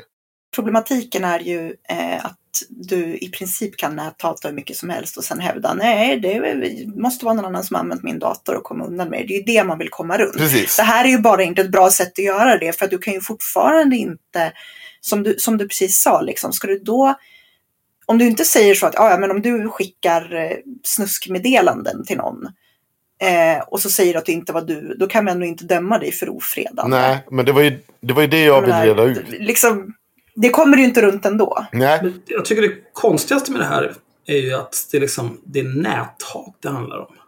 Jag kan känna att det här skulle vara mer relevant om det var så här, ja men vi tycker att när det gäller barnpornografibrott, mm. då spelar det ingen roll om du säger det måste vara någon annan som använder min dator, utan du är mm. fucked. Mm. Det skulle jag ändå så här, det är inte rätt säkert och det skulle inte vara bra. Jag skulle inte tycka att vi borde införa det. Men jag skulle kunna ha förståelse för det. Men om det är så här, ja, någon skrev att jag var en jävla fitta på internet. Mm. Ja, nu blir det böter för det. Ja, men det var inte jag. Nej, jag vet inte. Trist. Det var från din mobil eller från din accesspunkt eller vad som helst. Tänk dig mm. kaféer som har öppet mm. wifi. Ha det bra. ja, mm. det, det var dumt, men innan jag går ut och pissar på någon för att det är ett dumt förslag så vill jag åtminstone veta vad det är du ska dömas för. Och precis som Myra sa så blev jag nyfiken på om det här var ett oaktsamhetsbrott eller om man skulle dömas för det fakti faktiska brottet. Mm. Det är ju väldigt stor skillnad. Ja, precis. Så den 4 eh, oktober klockan 17 19.04 2017 postar jag ett... Eh, eh, jag, jag är då vän med Kristina Wixell. Eh, innan dess har vi pratat ganska länge. Jag har bland annat hjälpt henne med eh, en person som hotade henne till livet. Eh, och använde IRM för att eftersöka om vi kunde hitta den här personen. För vi har hittat folk på det sättet förut. I alla fall. Eh, jag postade på hennes vägg och skrev jag, tja, lite nyfiken på era förslag om att införa ägaransvar för datorer och mobiler och det här eh, eh, med arbetsmiljölagen och internet. Vad innebär detta? Vilka avgränsningar och begränsningar ser ni idag? Eh, hon svarar mig då klockan 20.48. Jag tänker inte gå igenom den här kommentaren, men redan i hennes tredje riktiga kommentar som hon svarar mig så skriver hon så här. Skriv en debattartikel. Som mitt liv ser ut just nu är det inte min prio att diskutera med eller svara på frågor från enskilda personer på Facebook. Ja, redan där var storhetsvansinnet ja. allomfattande. Jag gillar för övrigt att du skrev att du var lite nyfiken ja. på vad du ja, men det, man... Nyfiken på hur du tänkte här. Jag är den mest passiva aggressiva personen i världen. ja, det, det, kan jag väl, det, det var jag nog. Jag tyckte väl att det var korkat, det får jag ge. Det kan jag väl ge. Men hennes svar kommer 21.03. Jag skriver en, eh, vi skriver ett par kommentarer till. Fram tills, hennes sista svar är 21.16. Eh, och då säger hon, du ställer fler frågor än så och tvingade fram ett svar från mig. Hon tyckte att jag tvingade henne att svara på frågor. Alltså det går ju faktiskt att inte titta på skärmen. Det är ju ett okej. Okay. Är... Gud vad töntigt. How is cyberbullying real? Walk ja. away from the computer. Close your eyes. Men jag tycker det där är så märkligt. Alltså jag vet att vi har pratat om det här, men jag tycker det är så himla märkligt att eh, just sådär, du kommer in och ställer en fråga och skriver en debattartikel ja. om det. Bara, men det är väl bättre, alltså du, för det, det är inte så att du säger att liksom, du vill ju mm. diskutera idén. Antingen så kan hon väl säga att Alltså jag tycker det är så jävla konstigt bara. Vadå, ska, ska, ska du skriva en debattartikel om någonting som du försöker bilda din uppfattning om? Normalt skriver man väl debattartiklar för att man har bildat sin uppfattning och vill påverka andra åt samma håll. Eller? Exakt. Det var väl formulerat av dig. I alla fall. Det, det, tanken var inte en debattartikel eller krönika som jag faktiskt sa. Men fem dagar senare så blev det ju det. Eh, det blev till en krönika eh, och jag kritiserade dem. Eh, de svarade på denna krönika och tog faktiskt bort kravet på det här mobil. Att man ska ha ett ansvar. Så det, det strök man helt plötsligt. Mm. Så att vi kan väl komma överens om att tydligen hade man inte tänkt igenom det här jättemycket. Och jag hade rätt. Det var inte så genomförbart, deras krav. Som de hade gått till en minister på. Som satt med Make Equals jävla halsband runt halsen. Med ett stort leende på läpparna när hon tog emot den här fina organisationens krav. Ja, det där har vi ju pratat om. Det här är ju korruption. Ja. Mm. I alla fall, det var alltså 9 oktober. Det var väl ganska tyst. Jag tror att vi faktiskt tog upp det en snabbis i haveristerna också efter. Men egentligen återberättade vi bara hela situationen och att den hade blivit så jävla konstig att hon hade krävt att jag skulle skriva en debattartikel. Ja, men det där var ju allt vi gjorde i början i haveristerna. Det var ju bara att gå igenom vilka vi hade bråkat med på internet i detalj. Mm. Ja. Det var en bättre tid. Ja. ja. I alla fall, i, någonstans där i början på april 2018 så går Make Equal ut och anordnar eh, att 30 organisationer skriver under en artikel om rasism och att det är dåligt. En av dessa organisationer var Sveriges unga muslimer. Ett då. För det Ja. första så skulle jag säga att typ inte rasistmän är då en av de största, eh, nu ska vi inte säga att, att, att det är en, en eh, men alltså en av de största organisationerna inom antirasism i Sverige. Då. Ja, men det var ju det verkligen det under, på den tiden. Alltså Ja. 200 000 följare på Facebook och så vidare. Det är en jättestor organisation, men vi blev ju inte tillfrågade då, Nej. såklart. Nej, nej, men det, det, det, får vi, det får de väl göra bäst fan om vi... Det var ju inte så oväntat. Eh, och det var väl så här ingenting, men alltså, vi jobbade ju inte med att prata om rasism, vi jobbade ju med att prata om rasister. Så att Mm. det är ju lite skillnad. Ja, ni bryr er inte om rasism när det kommer från muslimer. Det har jag läst i bladet. Ja, men precis. Och det var väl nästa, nästa poäng, att vi hade ju också eh, mest Henrik, men jag var också med och skrev under en debattartikel där vi kritiserade Rashid Mousais från Svenska Unga Muslimer eh, för att de hade bjudit in antisemiter och homofober som föreläsare. Vi ska inte glömma att eh, Axel har någon slags blodshämnd mot Nej. Rashid Musa och Sveriges unga muslimer. Ja, han kallar mig husneger. Det där, Ja, Mm. Det är för evigt. Till den sista stjärnan har slocknat äckliga jävla råtta Rashid Moussas. Vilket jävla svin. Fittnylle. Och nu, nu vaknar nu du. Nu du. Nej, Alltså, jag hatar honom av hela min kropp och själ. Nej, Jag är inte jätteförtjust i honom heller. Då förstår du hur jag känner inför de här, de här quote unquote feministerna som säger att jag är en patriarchy pleaser. Mm. Det är precis samma sak. Myra the Handmaid. Mm. Ska tillägga att jag har fått information att det har börjat, börjat på en uppstädning inom Sveriges unga muslimer. Rashid Musa är också avgående. Och eh, Mm. man har tydligen eh, uppfattat eh, vibbarna att det här är nog inte jättebra, det man har sysslat med inom den här organisationen. Jag, vi, jag tänker inte outa min källa på det här, men det är en person jag har stort förtroende för. Jag, och jag förhåller mig skeptisk till att se en riktig förändring. Ser vi Mm. som vanligt att det bjuds in homofober och eh, Antisemiter och... judehatare och allt vad fan det är. Ja, då gör man väl inget bra. Men jag, men jag, jag, jag ha- har lite, vad säger man, tillförsikt till att det blir bättre. Mm.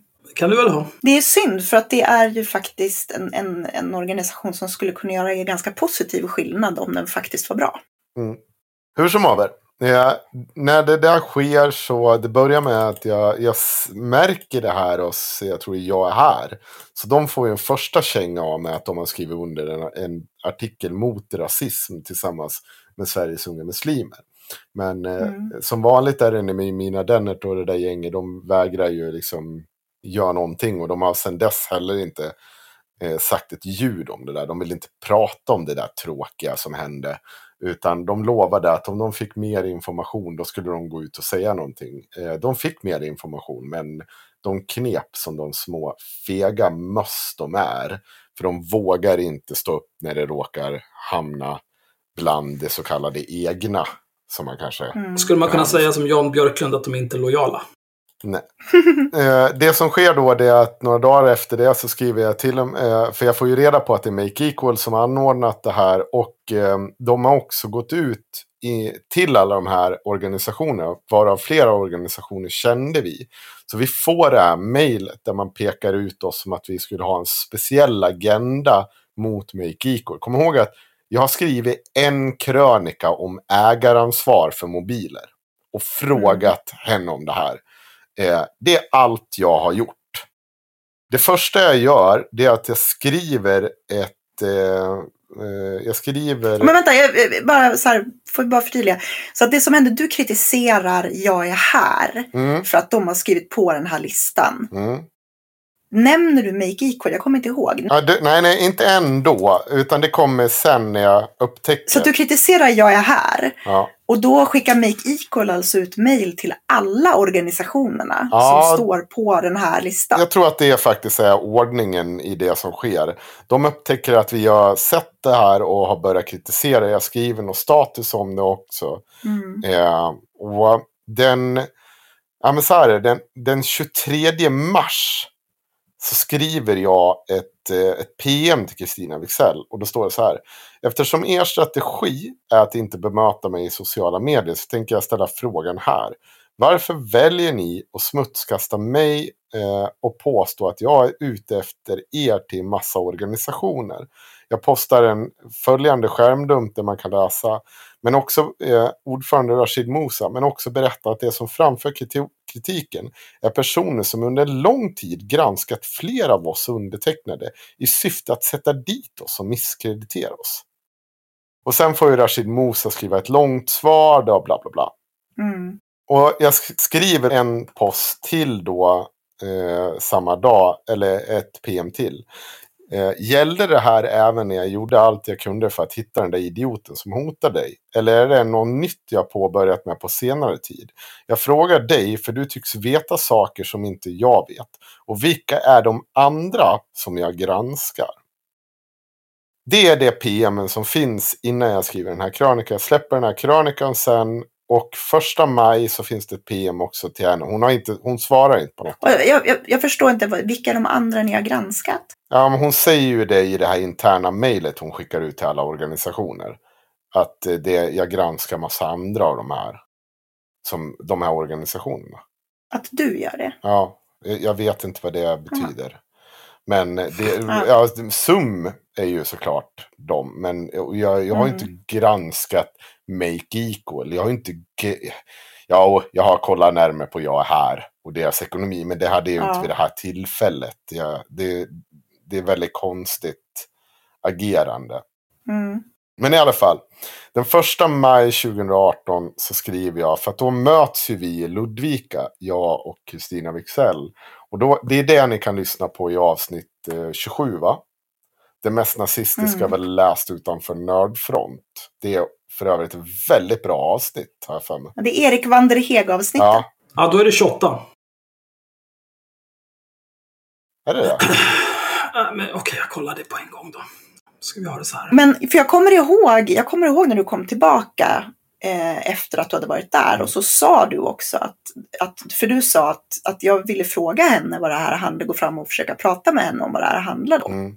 Eh, jag såg till att spela in hela samtalet för att jag visste att om vi inte gör det så finns det risk att hon kommer att försöka hävda att jag har varit otrevlig eller att jag har varit sagt saker eller whatever. Mm. Så därför så spelade du in hela avsnittet och vi publicerade det ju i podden innan hon han säger någonting om det. Ja, det fanns också faktiskt en anledning att jag publicerade. Jag kommer ihåg, jag tror jag pratade om det också i det avsnittet. Men anledningen var att så här att vi, vi står ju där och pratar och hon säger direkt att jag är obehaglig. Att, men hon vill ju inte förklara vad det är gjort som är obehagligt och så vidare. Och i princip, och det ska tilläggas också, jag ställer frågan till henne om hon vill prata. Hon tackar ja, hon säger bara att hon ska hålla ett tal först. Och sen ställer vi oss och pratar alldeles bredvid scen där Ludvika. Mm. Men direkt när, jag går, när hon går därifrån, då går hon fram och ställer sig och viskar i en riksdagsledamots öra som börjar blänga på mig direkt. Och då insåg jag att där var nog inte riktigt det vi pratade om eh, som hon står och säger nu. Eller jag kan aldrig veta det, men eh, Jag, jag säger så här. Vad var det för riksdagsledamot då? Daniel Riazat. Mm. Eh, Vänsterpartist. och jag, ja, vänsterpartist. Och jag misstänkte att, eller jag, jag kände på mig att det här kommer inte sluta väl. Och jag tänkte att det är lika bra att jag säger det här först.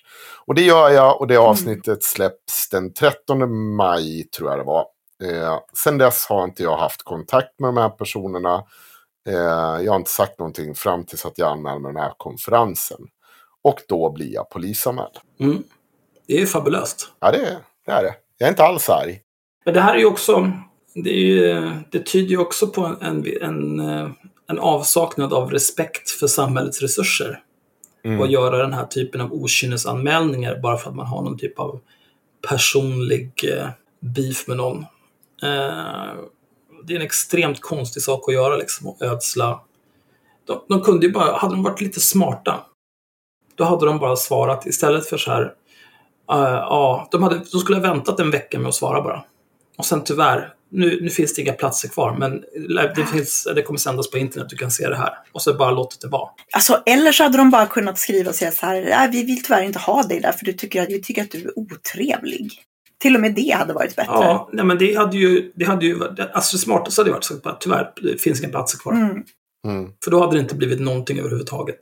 Och också säga så här, vi, vi gillar inte dig så du kan dra åt helvete. Det är också, det, det är fair. Men att göra en okynnesanmälan till polisen och bete sig som ett totalt jävla klappträ som de har gjort här. Mm. Det är som, som jag alltid brukar säga, de här människorna de har knullat sig själva nu. För nu är det ju dels, som, som vi pratade om i förra avsnittet, nu har det blivit upp, uppgraderade från klandervärda till ett särintresse för Henrik. Nu, han kommer aldrig släppa det här. Nu är det Per med bilen. Ja. Jag tänkte det, för den, den här jävla konferensen vi skulle gå på, det var ju också att de lanserade Näthatshjälpen. Och jag gick in på Näthatshjälpen och tyckte att det var jätte... Jag, jag tänkte att jag vill se vad det här är för någonting. Och då, är det, då har de så här olika ord och bland annat har de rättshaveristen med som ord. och det här är hur en rättshaverist är. En rättshaverist brukar eh, ställa upp upprepade och aggressiva krav. Kommer med dramatiska anklagelser. Har en verklighetsuppfattning som skiljer sig från andras och har därför svårt att förstå andra och, eh, tankar och perspektiv. Haveristen släpper sällan en oförrätt utan gör, en, gör det till en oändlig kamp. Typiskt beteende är långa berättelser, understrykningar och meddelande skrivna med versaler. Skicka många mejl, begär ut handlingar och dokument. Det är du Henrik. Ja. Jo, men jag vet, alltså så här, jag kan se att de har grunder här till viss del på mig. Jag, det har jag inget problem Jag tycker det är faktiskt ganska kul också. Men man måste ju också... Nej, det har de inte. Nu har du storhetsvansinne. Nej, okej. Men det, det är ju också så här, det, i mångt och mycket, om man inte nyanserar det så kan det liksom, det kan ju också vara så att eh, det man gör här, det är att beskriva en väldigt nitisk journalist. Mm. Det är, det är liksom så här, det är en, och, jag, och jag tänker på så här, hon säger, eller de säger så här, haveristerna släpper eh, sällan en oförrätt utan gör den till en oändlig kamp. Och det, det här är just problemet. Vi, vi har ju inte nämnt de här människorna på ett år. Och så går de och Nej. polisanmäler mig. Och det ska man ju komma ihåg också att jag, förstod ju när det här skedde att det här, de är ju inte rädda för mig. Det, det är ju inte så att jag kommer stå och säga att nu ska jag spöa dig Kristina Wexler. Åh gud, gud vad jag vill täppa till truten på det. Som jag faktiskt sa i förra avsnittet, men jag direkt efteråt Myras påpekande sa, nej men jag menar såklart verbalt. Hur som haver, Mm. det här hade ju inte varit en grej om de inte går mig. Och jag förstår när det sker att det här är inte en sak, de, jag, de tror inte på att det här kommer bli en polisanmälning. Kom ihåg vad jag läste i det här mejlet från Frida, eh, vdn. Huruvida du begått något Mm. brott som, går att bevisa, kommer Mm. polisen att få Mm. utreda. Ja, alltså, polisen sa, det, anledningen att det är nedlagt, det är att det finns inte ett brott här. Man har utrett om det har begåtts ett brott. Det har inte begåtts ett brott. De, de har ju ingen självförtroende i när de skriver det här till mig. Och jag visste också att det här är ingenting de kommer sitta tyst om. Och mycket riktigt, Elaine fucking Eksvärd, en eller två veckor efteråt sitter hon i Rosa aporna och skriver att mitt beteende är obehagligt och borde vara brottsligt. I nästa kommentar säger hon, jag har hört att du är polisanmäld för det här. När skrev hon det då? Hon skrev det en, eller två veckor efteråt. Jag skickade ju det i eh, vår Ja, chattgrupp. Eh, och det, jag visste ju direkt att det här, de kommer ju låta djungeltrumman göra jobbet. Det spelar ingen Men roll. inte ens det de, de, de förra gången satt de ju för fan och mejlade själva ut Ja, ja. att du var besatt av dem och så vidare. Så att, ja. Man bygger på den här historien och det blir ju som ett självspelande piano också. Det är jag ju väl medveten om det. Mm. Men du kan ju heller inte bara stanna upp och säga, ja, men om jag gör en okynnesanmälning. Sen berättar jag för alla mina kompisar att du, gjort, han är obehaglig, jag har gjort det här anmälning för att han är så jävla obehaglig. Polisen kommer tillbaka och säger, du vet vad? Du är en del av en skattefinansierad fucking organisation. Jag tror att du får, nu, det sa de ju såklart inte, men jag tror att du faktiskt får utstå att en person ställer frågor till dig. Det är ingenting obehagligt i sig. Mina skattepengar. Mm. Det är inte obehagligt. Make Equal är en jävla skitorganisation från början till slut. Ja. Dels för att de som driver den är uppenbart hjärnskadade. De är korkade människor. Sen är de ju skattefinansierade. Mm. Har någon slags gräddfil till en minister där de kan komma och ställa krav om att införa lagar som är helt är rättsosäkra, helt rättsvidriga och sinnessjuka. Bara någon som inte förstår någonting om data skulle föreslå något så jävla dumt. Men ändå så får de fortsätta och det är inga konstigheter. Nej. Och alla de här andra jävla idioterna lyssnar på dem. Elaine Eksvärd och så vidare. Mm. Och tydligen så får man varken granska dem, ifrågasätta dem eller någonting annat. De är fascister. Då ska man polisanmälas. Nej, och då ska vi kolla, för de har ju en guide till hur de ska bemöta rättshaveristen då. Om vi, vi, vi leker med Mm. tanken. Då säger de så här, validera personens känslor och behov med så tydliga gränser. Ja, det har de inte gjort jättemycket. Skriv lugnt och lågt. Mm. Ja, det har de gjort. Presentera alternativa sätt att se på saker. Nej, det har de faktiskt inte gjort. För de har inte överhuvudtaget bemött den kritik jag har lagt fram. Eh, men däremot har de gjort det här. Sammanfatta vad som hänt för andra. Vänner, familj, medarbetare och organisation. Och Det är det man gör. Man går ut och sprider det här. Så kan man då pe- peka på den här personen. Det spelar liksom ingen roll Mm.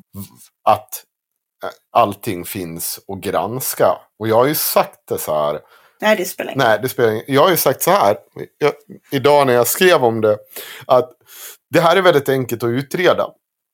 Jag ställer all min data till förfogande.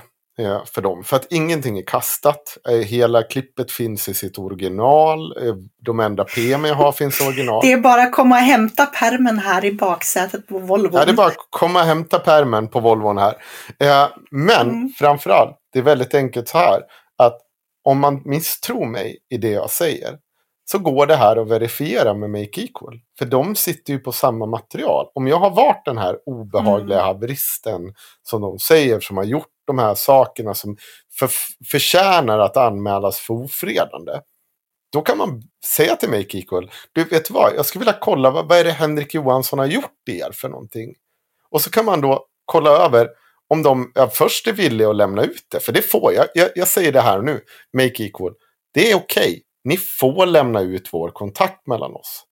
Jag tror att den är mer komprimerande för er än vad det är för mig. Det är bara gör. Komprimerande. Ja, vad säger man? Nej, komprometterande. Komprim komprometterande för er än vad det är för mig. Framförallt så kommer ni få se två år av att jag och eh, eh, Kristina Wixell sitter och pratar om olika händelser som har hänt. Jag, och framförallt hjälper henne med eh, när hon blir hotad. Och ja, Hittade ni den personen? nej vi gjorde inte det. Eh, tyvärr. Eh, för det, det önskar ju inte Wixell oavsett att de ska sitta och hota henne. Ja. Däremot så tycker jag att hon är helt jävla slut i huvudet. Och att de sitter och anmäler sånt här. Det är bara skenanmälningar för att få täppa till truten på mig. Och det kommer inte ske. Men jag kommer heller inte sitta imorgon. Ja, men det finns, vad, vad ska jag göra för någonting? Det, de har ju inte gjort någonting. Vad ska, varför ska jag hänga efter dem? Men däremot kommer de med nya Mm. dumma förslag i framtiden så kommer jag inte vara rädd för att säga ifrån. Eller skriva en krönika om det. Det är ju redan en blodshämnd, Henrik. Kom igen. Ja, nej, men man måste ju ha någonting av blodshämnd kring också. Men alltså det, det som jag tycker är så oerhört... ehm, alltså jag vet inte. Det som jag kan tycka är så oerhört klandervärt med det här. Eh, och det här vet ju, liksom, det här har vi pratat om, att jag kan absolut förstå, eller säga, jag kan sympatisera till fullo med att när du 190 centimeter, 100 kilo älgar fram till någon och är irriterad på dem, så kan jag förstå att du kan uppfattas som hotfull. Det köper jag. Men å andra sidan så vet jag också att eh, det är, alltså det är så jävla osannolikt att du någonsin skulle faktiskt typ lägga hand på en människa som Kristina Wigzell. Det är liksom, det, det är så här, hon kan inte tro det på riktigt. Nej men det finns ju, jag har ju inte sagt någonting till henne. Eller vad, vad, vad missade Nej, jag? men det är ju det är upp till dem i så fall. Ja. Om de påstår att du har... Då får ju de styrka det. det polisen tyckte ju uppenbarligen inte att det hade Nej. brott. Och att det var något som var klandervärt. Sen är det ju så, jag menar du är ju en jävla rättshaverist och när du, när du har liksom fått vittring på någonting, du är ju liksom, har du fått vittring på någonting som du tycker är fel så är det ju, har du ju total brist på fingertoppskänsla när det gäller att liksom, eh, alltså att, att huruvida man, man ska liksom driva det som ett, eh, en oförrätt eller vad det kan vara. Men det är ju också liksom för att du är konsekvent. Och det är inte så att du någon gång i det du har gjort under alla de år du har betett dig precis så här så har du ju faktiskt inte gått över gränsen. Skulle du liksom slå någon på käften eller vilja förstöra någons liv så skulle det ju snarare vara Rashid Musa i sådana fall. Han ska ju bara ha... Eh, och, men, men alltså det är det här jag menar, du har ju, du har ju liksom, jag kan se hur man tolkar in det här i ditt beteende, att du upplevs som väldigt liksom hetsig mot människor du tycker beter sig klandervärt. Men det är inte straffbart. Nej, s- ja, fine. Men, men framförallt, ja absolut, det är inte straffbart och vi lever i en vuxenvärld. Och det är som att Ja. varenda jävel som, eh, med internets jävla genombrott och att du kan få hundratusen följare så tror inte du att det kommer något krav eller att det finns liksom någon makt med det. Och därför ska du heller inte granskas. Lex Linnea Claesson. Oj, jag har totalt någonstans, ja, men vi säger 300 000 följare mellan mina två olika konton. Jag tar ut 120 lax av Mm. skattepengar för att jag ska gå runt och, verka lite quirky och sen går och ljuger arslet av mig om de jag just har föreläst för. Det är liksom så här, nej men vad då ska jag granskas? Jag har ju ingen makt. Jag är lite förståndshandikappad så jag kan inte, jag kan inte förstå vad som händer nu. Men är du dum i huvudet? Du har makt. Snabbt instick. Mm. Eh, Resumé har ju gjort en Ja, artikel där de har börjat granska, såg du det? Ja. Eh, alltså snabbt så här, de, de gör en artikel där de granskar influencers och smygreklam och försöker liksom få till någon sorts konsekvent lagstiftning runt det där. Eh, och då visar de bland annat upp en kvinnlig influencer de har varit i kontakt med. Mm. Som skriver ett mejl till en av de här journalisterna. Så skriver de så här, ett tips från mig till dig då nästa gång. Skriv ett meddelande och berätta vad du har på gång. Detta är inte särskilt snyggt gjort och jag och många med mig blir uppriktigt ledsen när jag ser att det är andra kvinnor i samma bransch som vill riva upp detta. Ni är journalister, men ni är även medsystrar. Nej men du är, helt, du är helt tappad i hela jävla... Alltså du är tappad i dumträt. Och slag i varandra gren. Klättra upp och bara hoppa ner frivilligt igen. Så det här är någon influencer, man vet inte vilken influencer det är, men jag kommer att tänka på Ja. henne nu när du tog upp Linnea Claesson. Eh, men då, då har alltså Jasmine Winberg som är journalisten från Resumé svarat så här väldigt bra. Hej igen! Ja, vi är journalister. Därmed är vi fria att undersöka vad vi vill och har inget tvång på oss att höra av oss innan vi gör något i undersökande journalistiskt syfte. Men du får gärna ställa upp på intervju om du vill i samband med att vi skriver en artikel om saken. Mm. Det kommer de ju jättemycket att göra. Nej, precis. Ja, det har de inte gjort för de skriver inte ut hennes namn. Så att, Jag hoppas ju att de här journalisterna förstår den frustrationen man sitter i. Det, det är ju det här som kommer komma. Om inom ett par år så kommer vi ha mycket mer granskning riktad på, mot den nya ekonomin och influencers. För att det de inte förstår, journalister, är det de inte riktigt hänger med i trenden. Och de är så jävla... Alltså, nu händer det nya coola, nu ska vi titta på det. Och så, så tittar man bara på det ur Mm. en synvinkel. Man tittar inte på det ur synvinkeln, vänta, kan det komma någonting dumt med det här?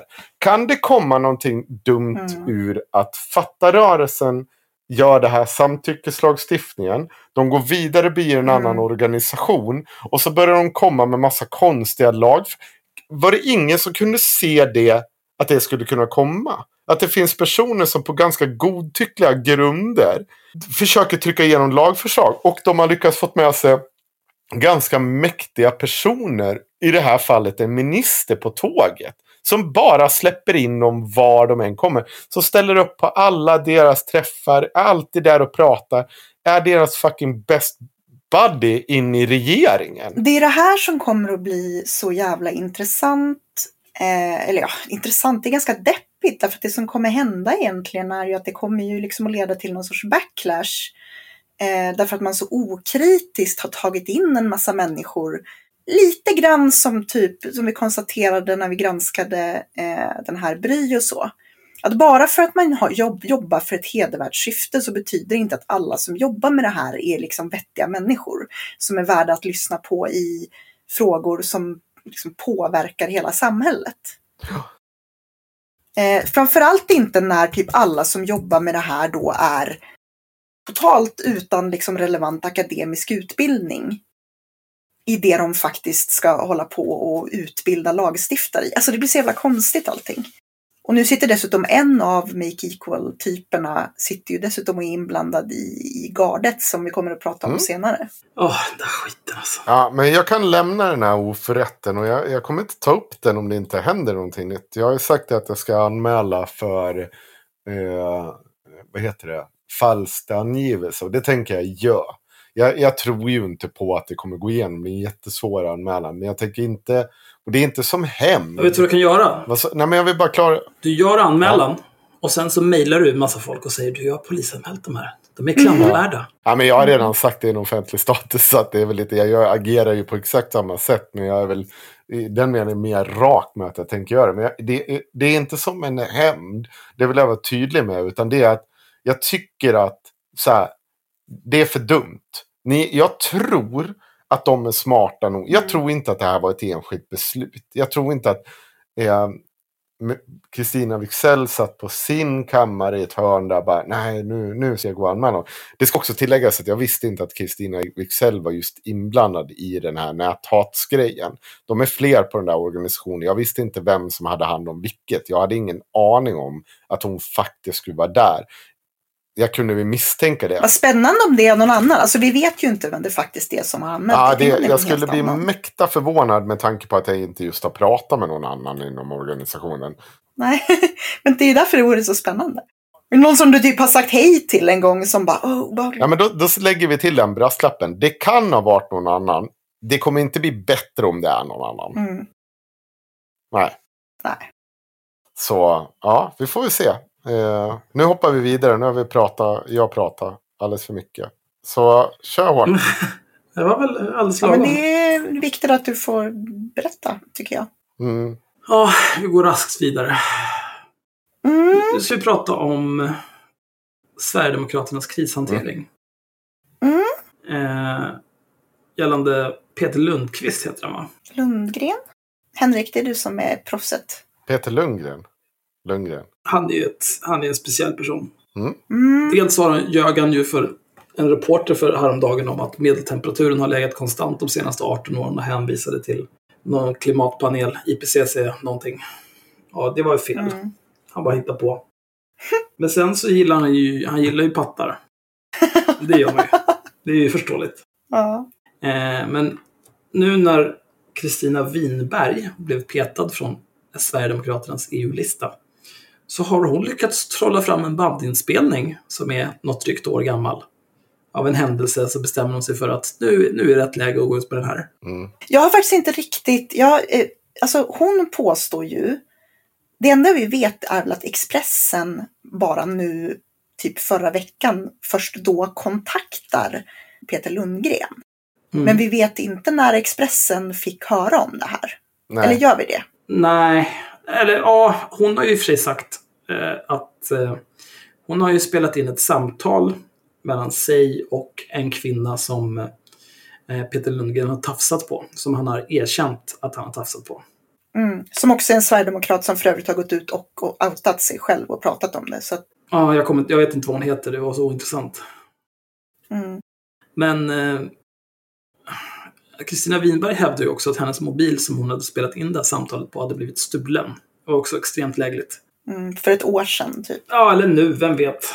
Eh, det står säkert i artikeln. Jag, man, alltså man Ja, hon, sa, hon sa att det var, hon, har, hon har inte haft tillgång till det här på ett år, hävdar hon. Ja. ja. Det var därför jag blev osäker på när det här har kommit till Expressen.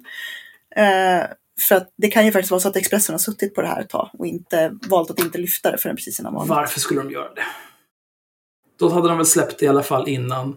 Vänta till EU-valet. De hade, hade varit bättre att släppa det innan det vanliga valet. Ja, det är en po- poäng faktiskt. Fast han är ju EU-parlamentariker. Jo, men det hade ju liksom varit en stor grej inför valet.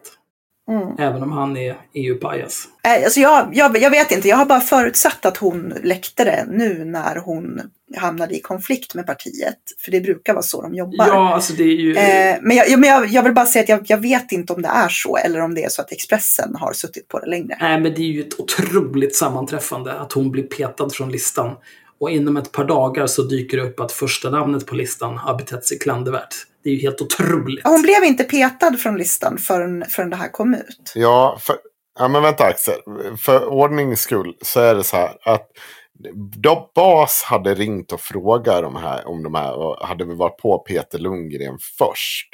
Och när, när, när det här sker Mm. så säger sig hon att hon kontaktade partiet om det som har hänt. Och efter det blir hon utesluten på kvällen där. Så att det sker den dagen. Och sen Mm. börjar den här, då börjar Expressen läcka eh, inspelning och så vidare efteråt. De får ju agera först Mm. och sen läck, tar de ut eh, inspelningen. Jo, men alltså med, med Mm. petad så menar jag att hon inte... Hon var väl andra namn på listan först. Och sen så blev Jessica... Nej, hon var, hon var fjärde namn från början. När listan sett så hamnade hon på fjärde plats. Ja, men det var hon ju inte förra EU-valet. Nej, nej, då var hon andra namn. Det är det jag menar med att hon har blivit petad. Ja, okej. För att de kommer ju inte få in fyra stycken, eller hur? Ja, det finns ju risk för det faktiskt. Att de, ja. Jo, men alltså här, jag, jag tänker så här, att vara fyra eller att vara på sextonde plats, det är ungefär samma sak. Det är Mm. skitsamma. Du kommer inte komma in. Det, det är så jag tänker att hon har tolkat det. Och då av en händelse, då dyker det här Mm. upp. Det har ju också varit, det finns ju också någon teori där, alltså jag har ju inte, som sagt Henrik får, får rätta mig nu, för att jag har inte hållit så jävla bra koll på intrigerna i SD eh, på senaste eh, halvåret eller sådär. Men det finns ju också, det är också någon koppling där Kent Ekeroth gick ut och backade Kristina Winberg som kandidat för EU-parlamentsvalet. Och det finns ju någon teori där om att det var det här som gjorde att partiet ville bli av med henne. Men det är också att hon är helt sjuk i huvudet. Hon fick ju en fråga om vad för slags ledare hon vill ha. Hon bara, ja, Viktor Orban. Ja, Vilken så- karl. Hon är en stövelslickare liksom. Viktor Orbans högra hand gick ut eh, bara typ i dagarna och jämställde homosexualitet med pedofili. Och där är alltså hans närmsta medarbetare. Very nice. Sen tycker jag också att det är lite äckligt i, mitt i allt det här. De, eh, tidigt gick ju nyheter idag ut och angav ett skäl. Och det vet man att ny, om nyheter idag är ute tidigt då vet man att då är det SD som har ringt om basically. Nej, det är Chang som har ringt om. Men de vill, de vill ju släppa den bild Mm, som de vill ge. Och det, det förmedlar Chang så gärna så. mm, Eh, och då säger man att det handlar om att eh, hon har låtit den här Joel Ankar vara kvar. Precis som SD inte skulle kunna göra någonting åt det. Ja, vilka jävla kukhuvuden. Ja, de skulle kunna utesluta honom bara. mm. Ja, det hade de kunnat. Men det, han var ju anställd. Men, ändå, men det där är- det där är de hade kunnat sagt jättekonstigt. ifrån. Det är bara kasta ut den där jävla flashback. Eh, nassen från kontoret. Det är liksom, det är, annars kommer vi utesluta er. Joel Ankar alltså, för er som inte har hängt med i det här. Joel Ankar var ju alltså hennes typ assistent slash högra hand i Europaparlamentet. Mm. Eh, och avslöjades först med att ha suttit på ett anonymt konto på Flashback och postat om, dels hade han ju postat om judar och om invandrare och sen hade han typ uttryckt, och det här blir ju relevant i den här kontexten där hon då ska framställa sig som någon som skyddar kvinnor. eh, så hade Joe Anka också postat typ att eh, slynor som gör abort borde bli aborterade själva och så vidare. Eh, och alltså, ja, lite så här mys, myspys. Och, eh, så det skrevs först om det. Och sen så kom det ut att Joel Anka tydligen hade faktiskt förvarnat partiet innan det outades i media och att partiet inte hade gjort någonting. Och sen så satt ju han kvar och när man då frågade varför sitter han kvar, ska han verkligen vara kvar, så säger Kristina Winberg och SD att nej men vi kan inte göra oss av med honom för att det är ju parlamentet, de, det är de som måste göra det, så vi har ingen makt. Vilket ju var bullshit. Ja, det är vilket sånt jävla skitsnack. Och då fortsätter media ifrågasätta och ifrågasätta och till slut så kastas han ut då. Eh, och det kan ju vara bra att komma ihåg innan man liksom köper att Kristina Winberg har jättesvårt med sviniga män. Eh, för det har hon ju bevisligen inte. Nej, Och inte SD heller, det vet vi ju. nej, det är inga konstigheter. Så det är ju ett uppenbart svepskäl. Då kan man ju tycka att bara det här är en sjuk historia.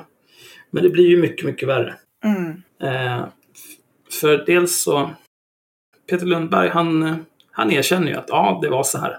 Han, han tafsade och betedde sig klandervärt. Eh, och dels så är det någonting som faller under allmänt åtal. Och han har ju erkänt brottet. Så att jag vet inte. Han borde ju vara fakt kan man tycka, men eh, SD har uttalat sig sagt att de, de har inga problem med det där så länge han inte är dömd för det. Mm. Eh, Men de har också gjort en film, Peter Lundgren och den här kvinnan som han tafsade på. Eh, Där de sitter och, och samtalar om det här i en cirka tre minuter lång film som Sverigedemokraterna la upp på Facebook häromdagen. Och det är kanske, alltså det, det är sån, det är så extremt awkward och cringeigt och bara hemskt att titta på den där. Mm. Han sitter och rullar tummarna i 180. Och så pratar de om liksom så här, ja, nej, men det här har ju vi rätt ut och det här är inga konstigheter och vi har ju pratat med våra respektive om det här också. Du och jag har ju talat ut och jag har ju bett om ursäkt och ja, vi har ju varit på semester tillsammans och vi hade våra respektive så det här är utrett och blä blä. Och sen avslutar de med alltså det stelaste. Bara, Jaha, vad ska vi göra nu? Ja, nu är jag är lite hungrig. Vi, nu tycker jag att du och jag går och äter lunch. Pratar om det. Snälla. Nästa gång vi har haveristerna i samma rum, kan vi inte reenacta den här då? Ja, det gör, vi gör vi. Garanterat. Med, med dig och Henrik, typ. Mm. Tack för att vara Peter Lundgren.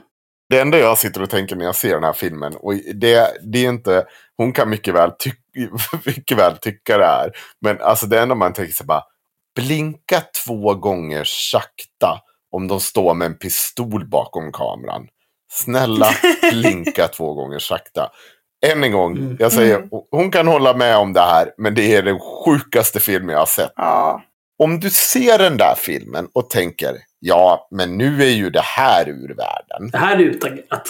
Nu är det här utagerat. Då ska du förlora din rösträtt omgående. Du ska inte få rösta i ett val till någonsin i ditt liv.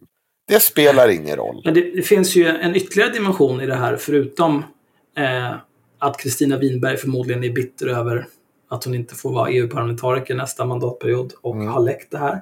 Kan man tänka sig. Mm. Eh, och det klandervärda i att eh, Sverigedemokrater gång på gång beter sig som totala jävla svin och ingenting händer. Mm. Ehm, så finns det ytterligare dumheter och det är att nu är det en massa kvinnosakskvinnor och kvinnosaksmän Mm. som ska stå upp för den här kvinnan. Mm. Och, och så här driva process mot Peter Lundgren och Dreva och Ja, polisen. han har ju blivit anmäld. Ja, Han har blivit anmäld. men det, det finns ju Av någon som inte är inblandad. Nej, men det finns ju ett problem med det. Det är ju att eh, den här kvinnan säger ju att det är utagerat. Mm. Och då, ä- även om så här, jag, min tolkning av det är så här. Hon går med på att säga så här, men det här är utagerat. I gengäld kommer hon av partiet få någon trevlig position.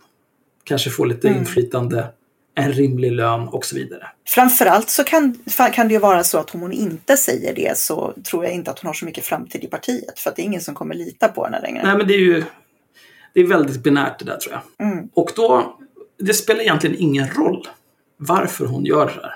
Varför hon säger att det är utagerat och varför hon säger att det här är inte ett problem längre. Hon har sagt att det är utagerat. Hon har sagt att det inte är ett problem längre. Hon har uttryckligen sagt också att hon inte ser någon anledning att anmäla honom. Mm. Och då får man väl respektera det. Ja, alltså jag tycker att det där är sjukt knepigt. Ehm, jag, eh, tycker att det finns ju många dimensioner i det där. För att anledningen till att de här grejerna eh, finns, alltså att det är allmänt åtal, typ alla brott är egentligen öppna för allmänt åtal. Om det inte uttryckligen står att de inte är det. Eh, så det här är ju liksom inget unikt. Men jag kan ju tänka mig att det här också fyller en funktion därför att det finns ju faktiskt situationer där eh, en person kanske är rädd för gärningsmannen eller liknande och därför inte själv kommer att anmäla eller helt jävla gaslightad åt helvete liksom. Absolut. Eh, och det kan ju den här kvinnan vara också, det vet vi ju inte. Men alltså, ja. Men, men liksom, och då ska det ju också som utomstående kunna anmäla. Men det, det är ju högst otroligt att det kommer att leda till någonting om ingen inblandad, varken, eh, alltså varken offret, eh, förövaren eller, eller något av vittnena ser det som ett brott så ser inte jag riktigt hur de ska kunna döma honom. Nej. Det, det, är ju det där med allmänt åtal då. Att han, det, ja, det är ju, vi, var, vi är ju överens, det har jag uppfattat om att vi, det är ingen som är särskilt förtjust i att det här går att anmäla så att hon inte är med på spåret. Att det blir jävligt konstigt. Vi tycker heller att det, eller vi tycker också sammanfattat att alla tycker det är lika konstigt när hon sitter i den där videon mm. med tanke på vad vi har hört henne sitta och säga. När hon sitter och blir fasthållen av honom och han kräver en kyss samtidigt som han sitter och tallar henne på brösten. Jaha, var det så illa? Mm. Noise. Ja, det var exakt så illa. Eh, det är liksom så här, allt det här sker och så, så ska man liksom sätta ihop det. Jag har jättesvårt för, jag kan inte sitta och fördöma den som anmäler. Men jag kan heller inte tycka att man ska anmäla när hon säger nej. För vi hade ett helt jävla avsnitt, Patreon exklusivt, det kan ni lyssna på mer. Där Ida Östensson från Make Equal sitter och säger att man inte kan samtycka till olika saker. För att det känns Typ strypsex. Ja, och eller bli sprutad på. Mm. Vilket var ännu mer. Sprayad var det Sprayad var det. Sprayad, ja. ja. För då kände man inte och då kan man inte samtycka för det, det känns inte för henne. Det är så efterblivet. kan samtycka till precis vad som helst. Ja. Om man liksom ska dra det här längre så dyker det ju här lite grann upp samma grej när man pratar om eh, eh Fast en extrem av det är ju när man pratar om människor som säljer sex. När man säger att det inte går att, alltså du, du kan inte samtycka om du får pengar. Eh, och det skulle man ju kunna i så fall applicera här också. Att ja, men hon, säg, vi säger att hon är villig att stryka ett streck över det här eh, för att hon får ett bra jobb, vilket i praktiken är pengar. Och då ska hon inte få göra det. Alternativt, om, om hon inte går med på det så förlorar hon pengar genom att hon tappar ja. den position hon har. Den stora skillnaden som jag ser, det är också så här, poängen med Alltså för mig så är liksom poängen med att anmäla, lagföra och döma någon är ju att den personen ska tvingas ta ansvar för sin handling och att offret ska få kompensation. Om vi nu ponerar att Peter Lundgren har i det här fallet tagit ansvar för att han, nu vet vi inte om han har det, jag kan ju tänka mig att han har bara tyckt att det här är sånt som händer, Men om vi leker att han har gjort det, Eh, han har tagit ansvar, han har bett om ursäkt till henne, de har pratat om det. Han har lärt sig någonting av det och hon har fått någon typ av kompensation i form av whatever. Att, liksom, att hon kan ha kvar sitt jobb eller vad det nu kan vara. Så kanske hon har fått en upprättelse från det här som hon behöver. Mm. Men det, det, är också, också att det gått ett år. Eh, om mm. hon ville polisanmäla så hade hon väl gjort det. Ja. ja. För då, det fanns ju liksom den här inspelningen och, och Winberg var ju vittne som jag förstod det. Och det fanns andra där liksom. Mm. Jag, jag, tror att det är svårt för att tittar man på hur SD har hanterat sådana som tidigare har uppmärksammat eh, övergrepp så har ju de blivit nästan utan undantag blivit utkastade ur partiet och mm. de som begått övergreppen har fått stanna kvar och sen så har de här kvinnorna dessutom smutskastats eh, å det oerhörda. Alltså, till och med i deras liksom, interna utredningar så, så, beskrivs ju kvinnor som har, som har liksom anklagat andra män för övergrepp. Då har de skrivit så här, ah, nej men hon är väldigt nidig och klängig och hon var ju väldigt full och hon är inte tillförlitlig och så vidare. Eh, så att jag kan förstå varför man inte vill anmäla en sån där grej. Jag vill lägga på en brasklapp för den här spekulationen om att hon får ett nytt jobb. Jag tycker att förklaringen, om man verkligen vill spekulera i en förklaring i, i den formen så tror jag att det är mycket enklare än så att hon är i en situation där mycket av hennes liv består av den här kretsen människor. Ja. Det består av Sverigedemokraterna. Och att hon är rädd för att i så fall tappa det. Att det är ju faktiskt alla hennes vänner. Det tror jag också. Och det är det någonting som de, de har visat uppvisat sedan tidigare. Det är att om du går emot partier på det där viset. Mm. Då hade hon stått fast vid att ja, det här hände, jag, jag mådde inte så bra av det här. Då hade hon nog inte varit eh, aktuell längre. Nej, och problemet med SD är ju att det är så sektigt så att det innebär att då tappar du ju liksom typ alla dina vänner i hela ditt sammanhang. Det är inte bara ditt jobb det handlar om. Och alltså, och jag, jag tror också det. Jag tror inte heller att, jag tror att det här är liksom en nödvändighet och det är supertragiskt. Samtidigt så är det ju så att precis därför så måste hon få avgöra det själv. Alltså det är en sak om vi tar en kvinna som lever i ett misshandelsförhållande och blir regelmässigt slagen och våldtagen. Så kan man hävda att ja, okej, men det här är liksom orimligt för du kommer att bli ihjälslagen och därför tänker jag anmäla det här för att få dig ur det. Fast du säger att du inte vill. Mm. Eh, I det här fallet så handlar det om vad vi vet. Någon som har blivit tafsad på på en fest. Alltså det känns som att så här, ja det är ett övergrepp. Men det kan vara så att det blir ännu värre för henne. För att någon annan bestämmer sig för att de ska gå in och anmäla bara för att sätta dit den här gubbeäcklet. Möjligheten finns ju också att när de säger att så här, det här är utagerat, att det är sant. Mm. Mm. Ja, ja, men det kan det ju vara. Jag är extremt skeptisk. Alltså jag tror inte heller det baserat på hur han hanterar det när han pratar om det. Hade han sagt, ja, alltså det, det var jävligt dumt, jag mådde jättedåligt, jag har pratat med henne och det var liksom en jobbig process. Och. Men istället så säger han att ja, ja, men det är sånt där som händer om man blir full och det har hänt alla, typ. Och det får mig att tro att han tycker inte att det här är så allvarligt. Eh, som hon uppenbarligen tyckte, i alla fall dagen efter. Ja.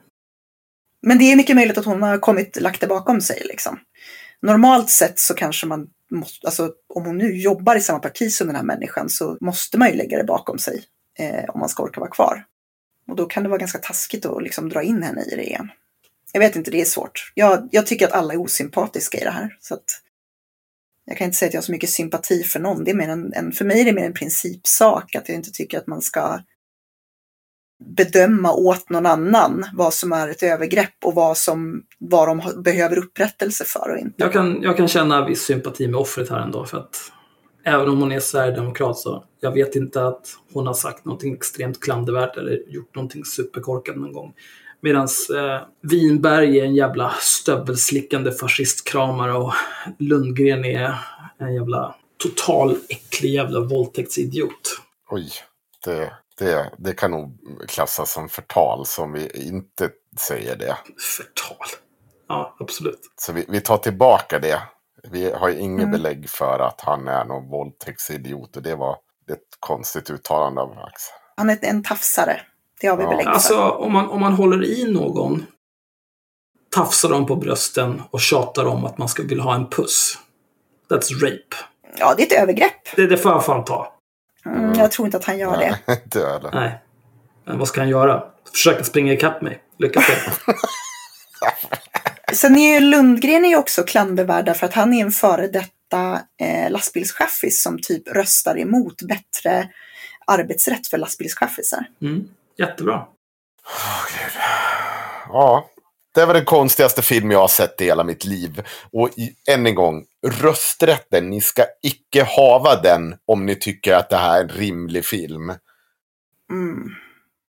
Nej. Det är det sjukaste jag har sett. Alltså att man, nej, det, det är inte bra. Och det, jag är glad för att de gör sådär. För att varenda moderat som kommer och säger att, nej men, det här partiet ska vi jobba ihop. Titta på den här filmen. Mm. Berätta för mig att det är normalt beteende där du ser här. Och så att du lägger ut det på din Mm. officiella YouTube-kanal. Berätta för mig att det är så. Så, ja absolut. Nej, men alltså det är, det är bara, allting är bara så äckligt med hela partiet.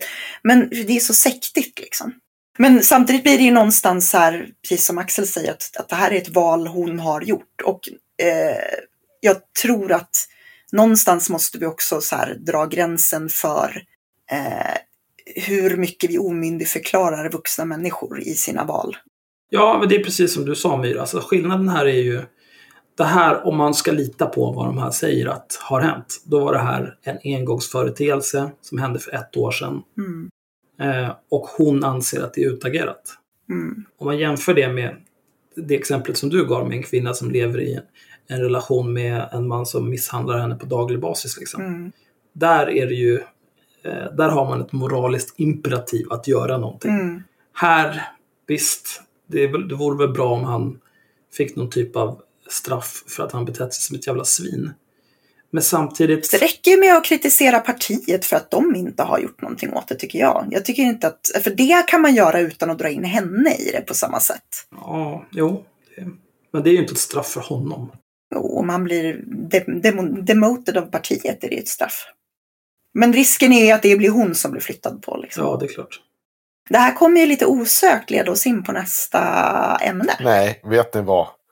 För att jag live-researchar någonting. Det här är Åkesson. Aha. Det här är det sjuka. Mhm. Det här är så konstigt. Alltså varför? Vad håller de på Här med? ska vi få höra nu. Det här är det sjukaste. Gabriel Wikström, det här är till dig. Åkesson. Jag tror Peter Lundgren lockar ganska många kvinnliga väljare i rubriken. Och det är från östra Småland. What? Ja, och då, då är det alltså, då har de inte, då har de varit i Kalmar nu, eh, Jimmie Åkesson. Och så då på frågan så här. Sverigedemokraterna lockar betydligt fler män än kvinnor och partiet bedriver sedan flera år ett arbete med att locka kvinnliga väljare. Jimmie Åkesson tror emellertid inte att skandalen kring Lundgren påverkar hur kvinnor ser på partiet. Hur många kvinnliga väljare lockar Peter Lundgren?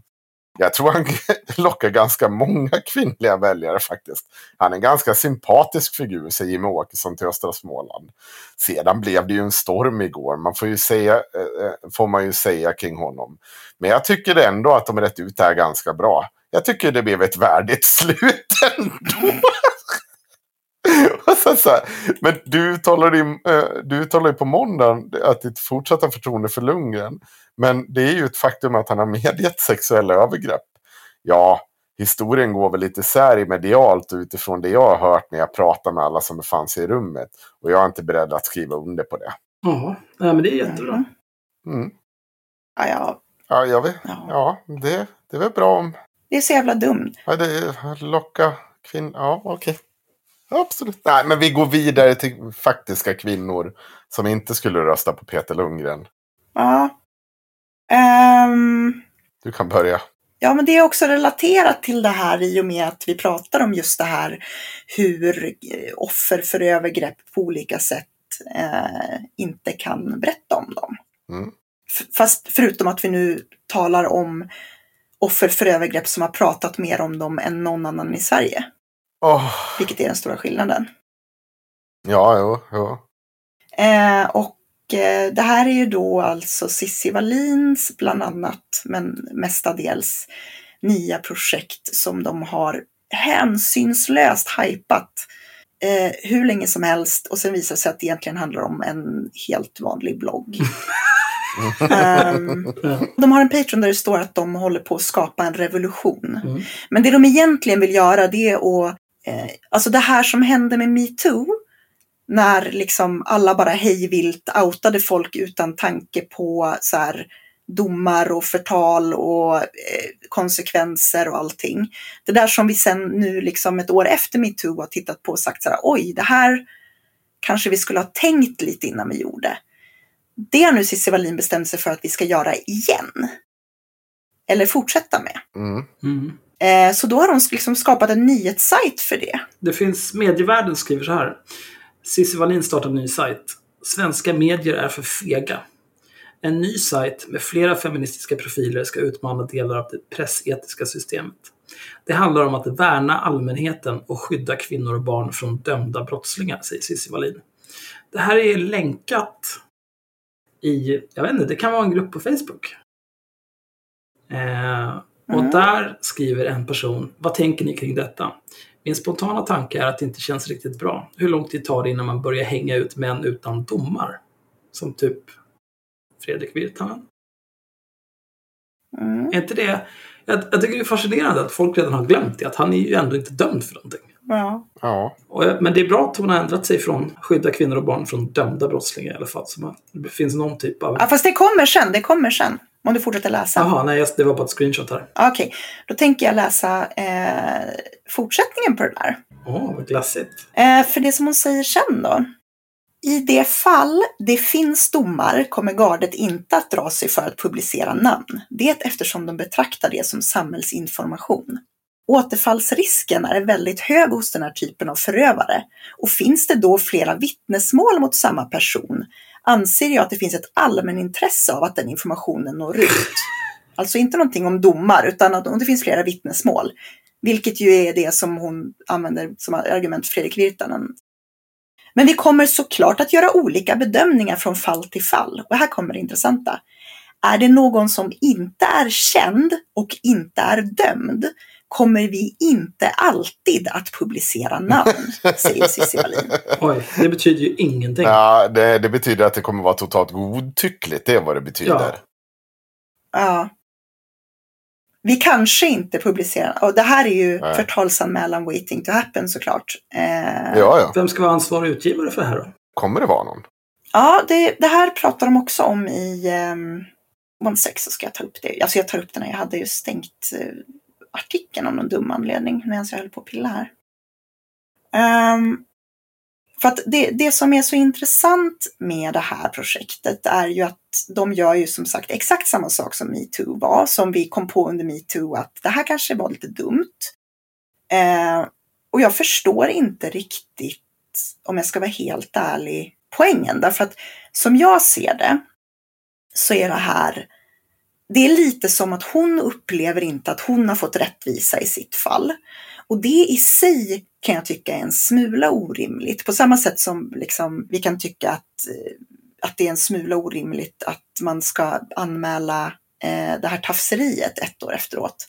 Så kan jag tycka att det är en smula orimligt att en människa i Sverige som har fått mest stöd och hjälp för sitt övergrepp i hela världen, 15 år efter, nej mer än 15, ja, typ 15 år efter ett övergrepp, fortfarande ska liksom hämnas på världen för det här. För mig är inte det så jävla sunt, men okej. Eh, det är hennes, hennes, hennes grej och hon får göra vad hon vill med det. Jag skulle kanske hellre se att vi jobbade på att på något sätt bygga upp bättre strukturer från eh, alltså på något, sorts, något sorts proaktivt sätt. Eh, jag kanske skulle vilja se att vi jobbade för att få fler resurser för att hjälpa sådana som har blivit utsatta komma ur situationen de är utsatta i. Alltså alla de här sakerna. Du, jag har ett förslag. Mm. Vad, vad tror du om att, att installera porrfilter i alla skolor? Borde inte det lösa Ja, det löser vi. Ja, det var bra Ja, tänkt. jag tror det. Ja. Nu ska vi se. Jag har upp artikeln nu i alla fall. Ehm, Ja, så här står det. Enligt Myndigheten för press, radio och tv finns ingen utgivningsbevis registrerat för sajten. De har sökt om det. Men Cissi Wallin säger att alla handlingar inskickade, nu bara återstår ett godkännande från myndigheten. Det är Kajan Andersson som kommer vara ansvarig utgivare för innehållet på sajten. Stackars henne. Eh, Mm. Ja, det, och sen, sen, sen kanske uppdraget kommer att rotera, men vi ska absolut ha en ansvarig utgivare. Enligt det pressetiska systemet ska man ju vara försiktig med namnpublicering, noga överväga konsekvenser i det fall man har, eh, människor kan skadas och helt avstå när det inte finns uppenbart allmänintresse. Hur ser ni på den biten? Vi för mycket diskussion om pressetik och jag tycker det är en viktig fråga. Samtidigt finns det en hel del att säga om svenska systemet och delar i det som vi vill utmana. Andra jämförbara länder i Europa är till exempel mer generösa med namnpubliceringen av dömda brottslingar, säger Cissi Wallin och fortsätter. Eh, generellt tycker jag och gardet att svenska medier är för fega. Pressetiken är jätteviktigt, men det finns en etik i, åt andra hållet som är minst lika viktig, som handlar om att värna allmänheten och skydda kvinnor och barn från dömda brottslingar. Jag kan ju säga att efter vårt senaste avsnitt där vi satt och eh, lyssnade på eh, den här processen som den här mamman drev mot pappan om att han skulle vara pedofil. Så är jag ganska oförtjust i tanken på att upplåta en stor plattform till att sådana människor ska få gå ut med sina berättelser. Alltså de sitter och gör en värdering om vems... Eh, hon säger att det handlar om att de gör en värdering av hur mycket den andra har fått kommit till tals och så vidare. Ja. Ja, och det är ju också så, ja, alltså, det är så sjukt. De hänvisar till att redan i de första texterna på sajten publiceras namnet på man som tidigare haft ett förhållande med författaren Unni Drugge. Och som dömdes för misshandel Mm. av henne 2000. Det är 20 år sedan. Ja, och han dömdes och avtjänade sitt straff. Det här är avpixlat för feminism. Ja, ja jag säger ju det. De har ju startat, ja, de har ju upptäckt alternativmedier tio år efter alla Mm. andra. Det här är det ultimata beviset på att Sveriges Rosa apor feminister är precis samma sak. Mm. Men det jag tyckte var intressant, för jag läste de två artiklarna, de är jättelånga, Mm. som de har lagt upp. Den ena är alltså en av deras chefredaktörer eh, som är juriststudent som skriver om att rättssystemet är patriarkatets hitman. Mm. Vilket är ju helt jävla felaktigt eftersom kvinnor i allmänhet får mildare straff till exempel. Förvisso baserat på en patriarkal, struktur, alltså en patriarkal konstruktion om att kvinnor är svaga och inte kan vara onda och så vidare. Eh, men i det här fallet så gynnar den ju faktiskt kvinnliga förövare. Mm. Så det är ju väldigt konstigt från en juriststudent att säga sånt, men okej.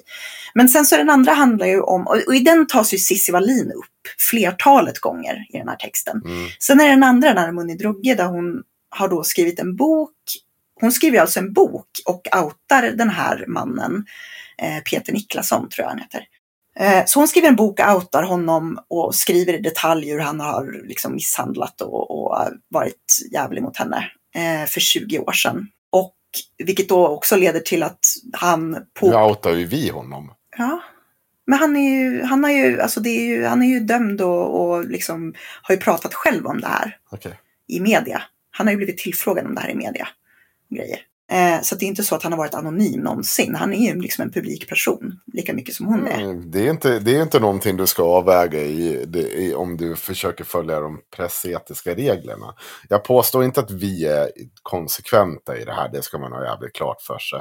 Men om du ska vara... Fast han har ju nej, ut- det spelar ingen roll. 20 år senare, även om man har gått ut och pratat om det, så ska du vara restriktiv med det. Det är vad som säger. Alltså även, det är möjligtvis om han hade stått nu i år och sagt att jag misshandlade henne, att du kan prata ur det, ur det perspektivet. Men att ta upp det igen 20 år senare, oavsett om han har pratat eller inte, så ska du inte gå ut med namn. Mm. Vi sparar den publicistiska diskussionen.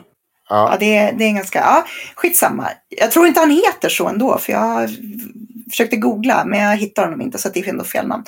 Strunt samma, jag har glömt bort vad han heter. Eh, men det som är kruxet i det här då, det är att hon skriver en bok. Eh, han blir dömd och straffad för det här.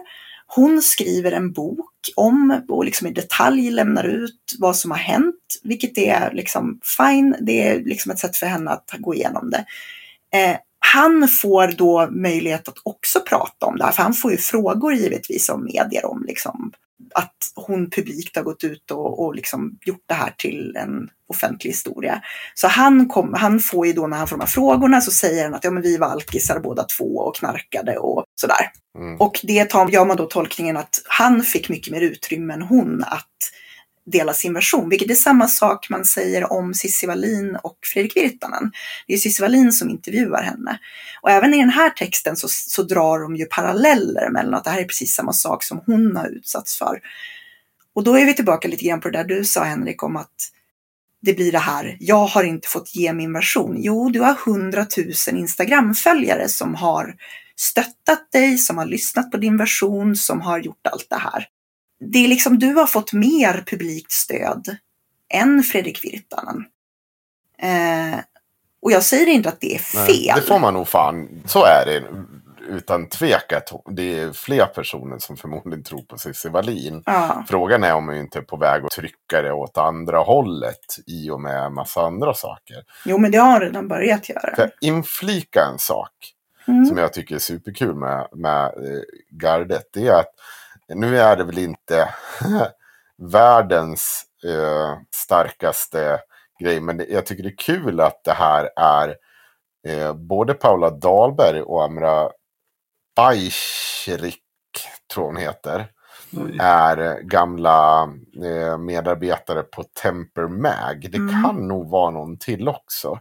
Och för er som undrar vad Temper Mag är så var det en blogg som startades, eh, ja, kan det ha varit det måste ha varit runt 2012 och sånt där. Och det var ju i princip samma sak. Man skulle komma in med ett postkolonialt perspektiv på feminism och sådär. Det skulle bli världens grej. Man hade genusfotografer med sig och en bunt mm. namnkunniga personer. Så den försvann efter ett halvår. Nu säger jag inte att gardet kommer göra det, men, men börjar de... Jo Ja, men börjar de göra... Jag, jag, tycker det är lustigt att man ser samma personer om och om igen i de här samma typen av projekt, bloggar mm. och så vidare. Sen vill jag också kommentera att Gardets sida, den är ju, den är ju skitful. Ja, det ser för jävligt ut också. Ja, det är inte illa ment, alltså så här, som om det vore... Den, den är för jävlig, den ser för jävla illa ut har aldrig påstått att IRM har sett ut som någon skönhet. Det är verkligen inte, men det här ser skräp ut. Ursäkta, det är jag, det är jag som har, det är jag som har byggt IRMs nya sida. Gamla IRM tänkte jag. Okej. Okay. Ja. ja. men innan IRM flyttade till Wordpress, alltså det såg verkligen ut som piss. Såg ut som piss. Det var Wordpress innan också. Ja. Alltså, ja. Ja, det såg ut som skit. Ja, den var hemsk. Men nu är den snygg. Ja, absolut. Men det, det är en Wordpress-mall. Det får vi ju liksom ge det. Det är vad det är. Det är ju liksom inte stora kirurgiska ingrepp. Den är snyggare nu, den är lättöverskådligare. Men den här... Vadå, vill du ta ifrån mig credden för att jag har pillat med den där sidan? Nej, det vill jag absolut inte. Det finns flera snygga funktioner i det och jag, jag tyck, du vet att jag tyckte att den var snygg. Jag säger bara att det, det finns ju folk som har gjort snyggare riktiga bloggar. Jag förstår inte varför du ska förminska mig. Okay. En, en, annan sak eh, jag vill kommentera här. Eh, Amanda Oxell ingår ju också här i. Ja. ja, kan, vi, kan vi gå igenom de här människorna? För att jag tänker att det kan vara relevant. Vi tar dem från början. Eller ja, vänta. Tar... När man kommer till en om här. Det är, jag, jag läser det här. Du behöver inte oroa dig. Mm. Amanda Oxell är den digitala strategen som tröttnade på sexistisk reklam och startade rörelsen Annonsrådet, som hittills har förhindrat över 20 miljoner visningar av könsdiskriminerande innehåll. Eh, källa på det tack. Utöver det opinionsbildar, utbildar och föreläser Amanda om jämställdhet, feminism, reklam och digitalisering och dyker upp i morgonsoffor och tv-rutor när det finns viktiga saker att säga. Amanda är en hundmänniska som är lika beroende av stadens puls som att mocka hästskit på landet. Och det finns inga texter upplagda av henne. Nej. Vi har ju pratat om henne tidigare, vill jag minnas. Ja. Jag kommer inte ihåg vad det var. Jo, det var hon som kontaktade Tims mamma. Ja, just det. Jo, det kommer jag ihåg. Men jag kommer inte ihåg varför vi tyckte att hon var en dum kuk. Jo, men för det första så var det ju att det var ju hon som drog igång. Annonsrådet är en grupp på Facebook. Och där sitter hon då liksom och hittar olika annonser som hon tycker är klandervärda. Då bland annat Bahnhof när de använder distracted boyfriend-memen. Just det!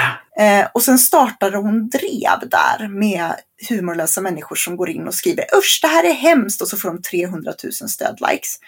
Eh, och då när vi kritiserade det så jag kommer inte exakt ihåg vad som hände. Det här måste vi ju kanske ta fram om vi ska prata om det. Men det som hände var i alla fall att hon rök ihop med Tim, vår kompis som också administrerar vår Discord. Tim, vi ska inte säga för mycket här. Men Tim har en koppling till Amanda. Den kopplingen mm. gjorde att Amanda kontaktade hans mamma och tyckte att han betedde sig illa. och ville att hon skulle ta sin son, sin inte, 25, 26, 27-åriga son i örat. För att han säger dumma saker på internet. Mm. ja, hon är dum i hela jävla huvudet. Det är också så här, annonsrådet, det känns lite så här pressombud, eller fotoombudsman, vad fan heter han? Han som håller på med och så här, pressa folk på pengar. För. Bildombudsmannen. Ja. Mm. Mm. Så här, man, man tänker ju att det ska vara något så här, en riktig alltså, en myndighet eller organisation eller någonting. Men det är bara en jävla clown som kallar sig ombudsman. Det är samma sak här. Annonsrådet. Mm. Jag vill också att vi ska notera att alla i den här alltså alla som skriver på den här bloggen, jag scrollade bara igenom dem och alla titulerar sig typ aktivist och föreläsare och mm. debattör. Mm. Vi tar nästa person nu. Nu tar vi Amra Bajric. Bajric. Bajric måste det vara. Bajric. Bajric? Bajric. Mm. Ja, just det. Jag kommer alltid ihåg det där för att jag vet att John Malkovich, jag läste någon gång på typ Wikipedia eller något för 20 år sedan. John Malkovich la till ett H i slutet på sitt efternamn för att han var trött på att han, folk kallade honom John Malkovich. Så Amra Bajric borde det vara. Men dricker ni aldrig tjeckisk öl eller? Ja, jag dricker den. Jag försöker inte lära mig vad den heter. Ah, okej. Jag tänkte du måste ju kunna beställa den. Ja, men en sån här. En sån. Den där veckans Okej. specialöl där. Det dyraste ni har. Här är mitt Amex. Fucking lös det. Mm. Ja, fortsätt. Amra Bajric är feministen och skribenten som blev bibliotekarie, som blev socialist och insåg att organisering är viktigare än att bara sitta hemma och tycka saker. Politiskt aktiv med ledorden “Om det inte gynnar fattiga och utsatta är det inte radikalt”. Herregud vad banalt. Vilken av grupperna tillhör Cissi Wallin? Ja, utsatt, antar jag. Ja, Okej. Född i ett land som länge, längre inte finns kom hon till Sverige från Bosnien under 90-talet som flykting. Förort, klassresa, skuldkänslor, det klassiska. Stephen King, katter och arga kvinnor förgyller vardagen. Ja, visst. Jag, jag känner igen namnet, men jag, jag tror inte jag har läst någonting av henne. En av de som ganska tidigt började kalla mig obehagligt för att jag svarade henne på Twitter. Vi har, eh, vad jag uppfattar som, släppt det idag. Hon var också admin i Rosa apor. Mm. Jag kan tänka mig att vi kommer bli osams igen när vi inte säger bra saker kring gardet. Men vi får väl se vad, vad gardet producerar först innan vi... Mm. Nu Cissi Wallin tycker jag inte vi behöver titta på hennes bio. Eller jo, jag är för sig lite sugen på vad hon har skrivit där. Okej. Cissi Wallin är mediekändisen. Medieprofilen, är det typ som kulturprofilen? Åh, herregud. Cissi Wallin är mediekändisen som blev feministisk aktivist och opinionsbildare. Hon växte upp i Uddevalla med en polsk mamma, svensk pappa och seg under fläkten. Hon gillar kompromisslöshet, ostbågar och att reta gallfeber på uppblåsta mediemän. Ja, nej, Mm. fanns inte mycket att säga om det. Elin Lucassi. Elin Lucassi är serietecknaren och satiriken som skildrar både det privata och det politiska med samma sylvast analytiska udd. Hon gillar att leta efter kärnproblematik, stringenta formuleringar och dynamiska linjer. Mm. Jag gillar en del av hennes eh, satirteckningar, ska jag Det, säga. är, det är någon teckning här som jag antar är hennes. Jag känner inte igen stilen, så jag tror inte jag har sett någonting av henne. Jag tror hon har ritat en del åt ETC möjligen. Mm. Ja, nej, men det ser väl, ser väl bra ut. Elin Sundin. Det är hon från Make Equal, va? Eller Fatta. Det, vi kanske får reda på det. Jo, visst. Elin Sundin föddes på Gotland och har varit feminist sedan högstadietiden. Hon har ett stort internationellt engagemang för kvinnors mänskliga rättigheter och har periodvis bott i Brasilien. Mellan 2017 och 2019 var Elin ordförande för Sveriges samtyckesrörelse Fatta. Sveriges samtyckesrörelse. Det var, Ja, men det var det det väl? var ett bold claim. Nej, det tror jag att det, det var väl. Det får man ju göra. Ja, men det, det kan jag nog faktiskt hålla med om. Jo, men samtycke i den kontexten som de drev. Det var inte som att samtycke var någonting som ingen hade hört talas om innan Fatta. Ah, ja, ja, ja, jag vet inte, jag kan köpa det. Ja, Alltså jag kan ge henne det här, men jag tycker att det är lite förmätet. ja okej. Mm. Ordförande för Sveriges samtyckesrörelse Fatta och var ledande i att opinionsbilda för samtyckeslagen. Idag föreläser Elin bland annat om opinionsbildning och om genusmedvetet ledarskap. Ja. You do you fam. Filippa Berg. Filippa Berg är en bråkig feminist som gillar att gå ut i baddräkt på krogen. ja, vem gör inte det? Hon har jobbat med journalistik och sociala medier i närmare ett decennium och var tidigare chef för Sveriges största underhållningssajt för ungdomar. Vilken var det? Likat. Likat. Ja, ja. Tyckte alltid att det var en jävla skitsida.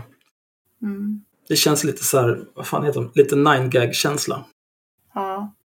Men den var nog stor, det kan jag tänka mig. Jaha, ja, det är- det tvivlar jag inte en sekund på. Filippa avskyr auktoriteter och har aldrig varit van att lyda. Hon brinner för att förbättra livet för kvinnor i allmänhet och för att öka kunskapen om våld i nära relationer i synnerhet. Jag tycker att hon verkar sympatisk. Jag gillar henne. Hon var ju också en som eh, outade en annan i eh, metoo-rörelsen som sedermera varit utkastad från Aftonbladet. Mhm. Mm. Ja. Storyn var väl att det var hennes pojkvän som var chef på Aftonbladet. Eh, och hon blev sen chefredaktör för Likat som var Aftonbladets projekt. Och sen så eh, går hon ut med att han då har eh, alltså varit abusive mot henne och också när de antar jag har gjort slut så har han, eftersom han har varit hennes chef då, så har han, betett sig illa. ja, han har betett sig illa som arbetsgivare eller som chef. Och han blev ju kickad. Ja, det var väl lika bra. Mm. Fuck honom. Hanna Bergvall. Hanna Bergvall är juridikstuderande feminist som levt med psykisk ohälsa stora delar av sitt liv. Hon skriver öppet på Instagram om sina erfarenheter för att bryta stigmat och visa att det går att ta sig ur mörkret. Hon debatterar i alla möjliga samhällsfrågor och är idag redaktör på Gardet. Hon längtar efter feministisk kamp och att gå från ord till handling. Protestera, demonstrera, gardera. Och det var hon som hade skrivit den här Hitman åt patriarkatet. Ja, och hon kallar sig också juriststudent. Jag vet inte. Det känns som att juriststudent är sånt där som liksom alla är för att det låter bra. På något vis. Ja, ju mer jag har läst saker skrivna av jurister, framförallt på Twitter, framförallt unga jurister, Mm. desto mer övertygad blir jag om att en jävla cirkusapa kan bli jurist. ja, i alla fall juriststudenter. Ja. Eh, för det är de ju allihopa. De, det är väl ganska få som är verksamma jurister. Nej, men det känns som att det kanske, läser man liksom folk som är jurister på riktigt, det känns som att man kanske behöver gå hela juristutbildningen och jobba i några år för att lära sig Mm. det här eh, neutrala tonläget som jag tycker att många riktiga advokater och riktiga jurister har. Det kanske tar lite tid att slipa bort det från studenterna. Jag tror att det är så här, jag tror att det är väldigt, väldigt många som börjar läsa till jurister eh, för att de har ett samhällsengagemang Eh, och vill liksom förändra världen. Och då tänker de, ah, jag ska bli jurist och liksom kämpa för utsattas eh, rättigheter och sådär. Och det är bra. Eh, men att det liksom slipas oftast bort när man väl börjar jobba. För det är svårt att vara idealist när man hamnar, för jag menar jurister är ju liksom inblandade i ofta de så här men tänk dig till exempel, man kommer ut och bara, åh, jag ska, alla kvinnor är offer, jag ska rädda dem. Och sen så kommer man ut och så måste man sitta igenom en rättegång med det här fallet som vi tog upp, som Bry har hållit på med. Mm. Jag tror liksom att man, så här, man får ju alltid se de här extrema delarna av samhället på ett sätt som gör att jag tror att man blir tvingad att ha en mer nyanserad bild. Annars orkar man nog inte. Eller så får man börja skjuta heroin. Mm, eh, då tar vi nästa, Jenny Bengtsson. mm, Eh, Jenny Bengtsson är fristående ledarskribent och krönikör med bakgrund som facklig ledare och aktivist sprungen ur restaurangbranschen. Jenny arbetar till vardags som arbetsmiljöinspektör. Skriver gärna om arbetsmarknads och arbetsmiljöfrågor. Det är Jenny Bengtsson, den här gamla dängen. Eh, klasskamp på Twitter. Före detta ordförande för hotell och restaurang Stockholm-Gotland. Mm-mm. Skriver ofta krönikor i ETC, va? Mm. mm. Vi, eller ni ringde upp hennes, eh, Henrik ringde upp den här snubben som hade sagt att hon behövde bli, våld, eh, behövde bli våldtagen också, bara för ett par avsnitt sedan. Gjorde han det i avsnittet? Ja. Oj, jag måste varit skitfull. Ja, du, ja. ja, det var det. Eller det var, vi hade, det var ju, just det, det var ju en stand-in där och då ja. Jag har inget minne av det här. Men det var det det avsnittet? Ja, skitsamma. Jaha, det var det avsnittet när jag inte var med. ja. Mm. Ja, det var ju tråkigt. Ja, du hade gått ut för att köpa tidningen. Mm. Ja, nej men det är hon. Eh, henne känner vi till. Mm. Kajan Andersson är inte bara tjock kroppaktivist utan en enerverande jävel också. Mm. Det låter redundant. Mm. Hon har huserat på opinionsmarknaden i över sju år med uppmärksammade debatter om våldtäktsmål och fettfobi i bagaget. Kajan är dessutom glittrande NPF-förälder, skrålande allsångsälskare och blivande författare med hybris. NPF är neuropsykiatrisk funktionsnedsättning. Mm. Så hon har någon typ av speciellt barn. ADHD eller autism typ. Ja, något som gör livet lite jobbigare. Ett indigobarn. Finns det folk som säger så? Ja. Vi ska prata om indigobarn. Men vi är inte klara. Jag vill, jag vill tillägga om Karin Kajan, det roligaste Karin Kajan har gjort. Eh, det var när hon la upp en eh, på Instagram. För hon är ju typ, alla de här, eller många av dem är ju så här Ja. Instagram, eh, Insta-queens. Insta-queens. Eh, då la hon upp så här och, och klagade på att när hon tog skärmdumpar på låsta artiklar eller på artiklar i allmänhet och la upp dem på sin Instagram så, så tog folk dem och sen så delade de dem och creddade inte henne. På riktigt. Ja. Hon kallar sig också för journalist, vilket gör det ännu roligare att hon sa sådär. Det är faktiskt jättekul. Hon är ju hjärndöd. För det var faktiskt mycket jobb för henne att leta upp de här artiklarna och skärmdumpa dem till Instagram. Och då kunde man faktiskt Ja. vara snäll och credda henne. Och hon betalade ju också för att låsa upp artiklar. Och då tyckte hon att hon kunde åtminstone få cred för dem som hon delade dem till utan att de Vilken betalade. jävla idiot alltså. Det är roligt. Ja. Åh, Jesus Kristus alltså. Det fortsätter, det är två personer kvar. Ja, Mm. Nu kommer vi till Merly Åsbogård. Eh, Merly Åsbogård har levt ett liv men gjort många resor. Hon beskriver sig själv som treögd med ett öga ständigt bakåt mot historien, ett mot framtiden och ett tredje i en samtida kritisk samhällsanalys. Eh, Merly Åsbogård är extremt pretentiös. En svart före detta prostituerad ensamstående kvinna med en röst och en plattform. Kan det bli mer skrämmande?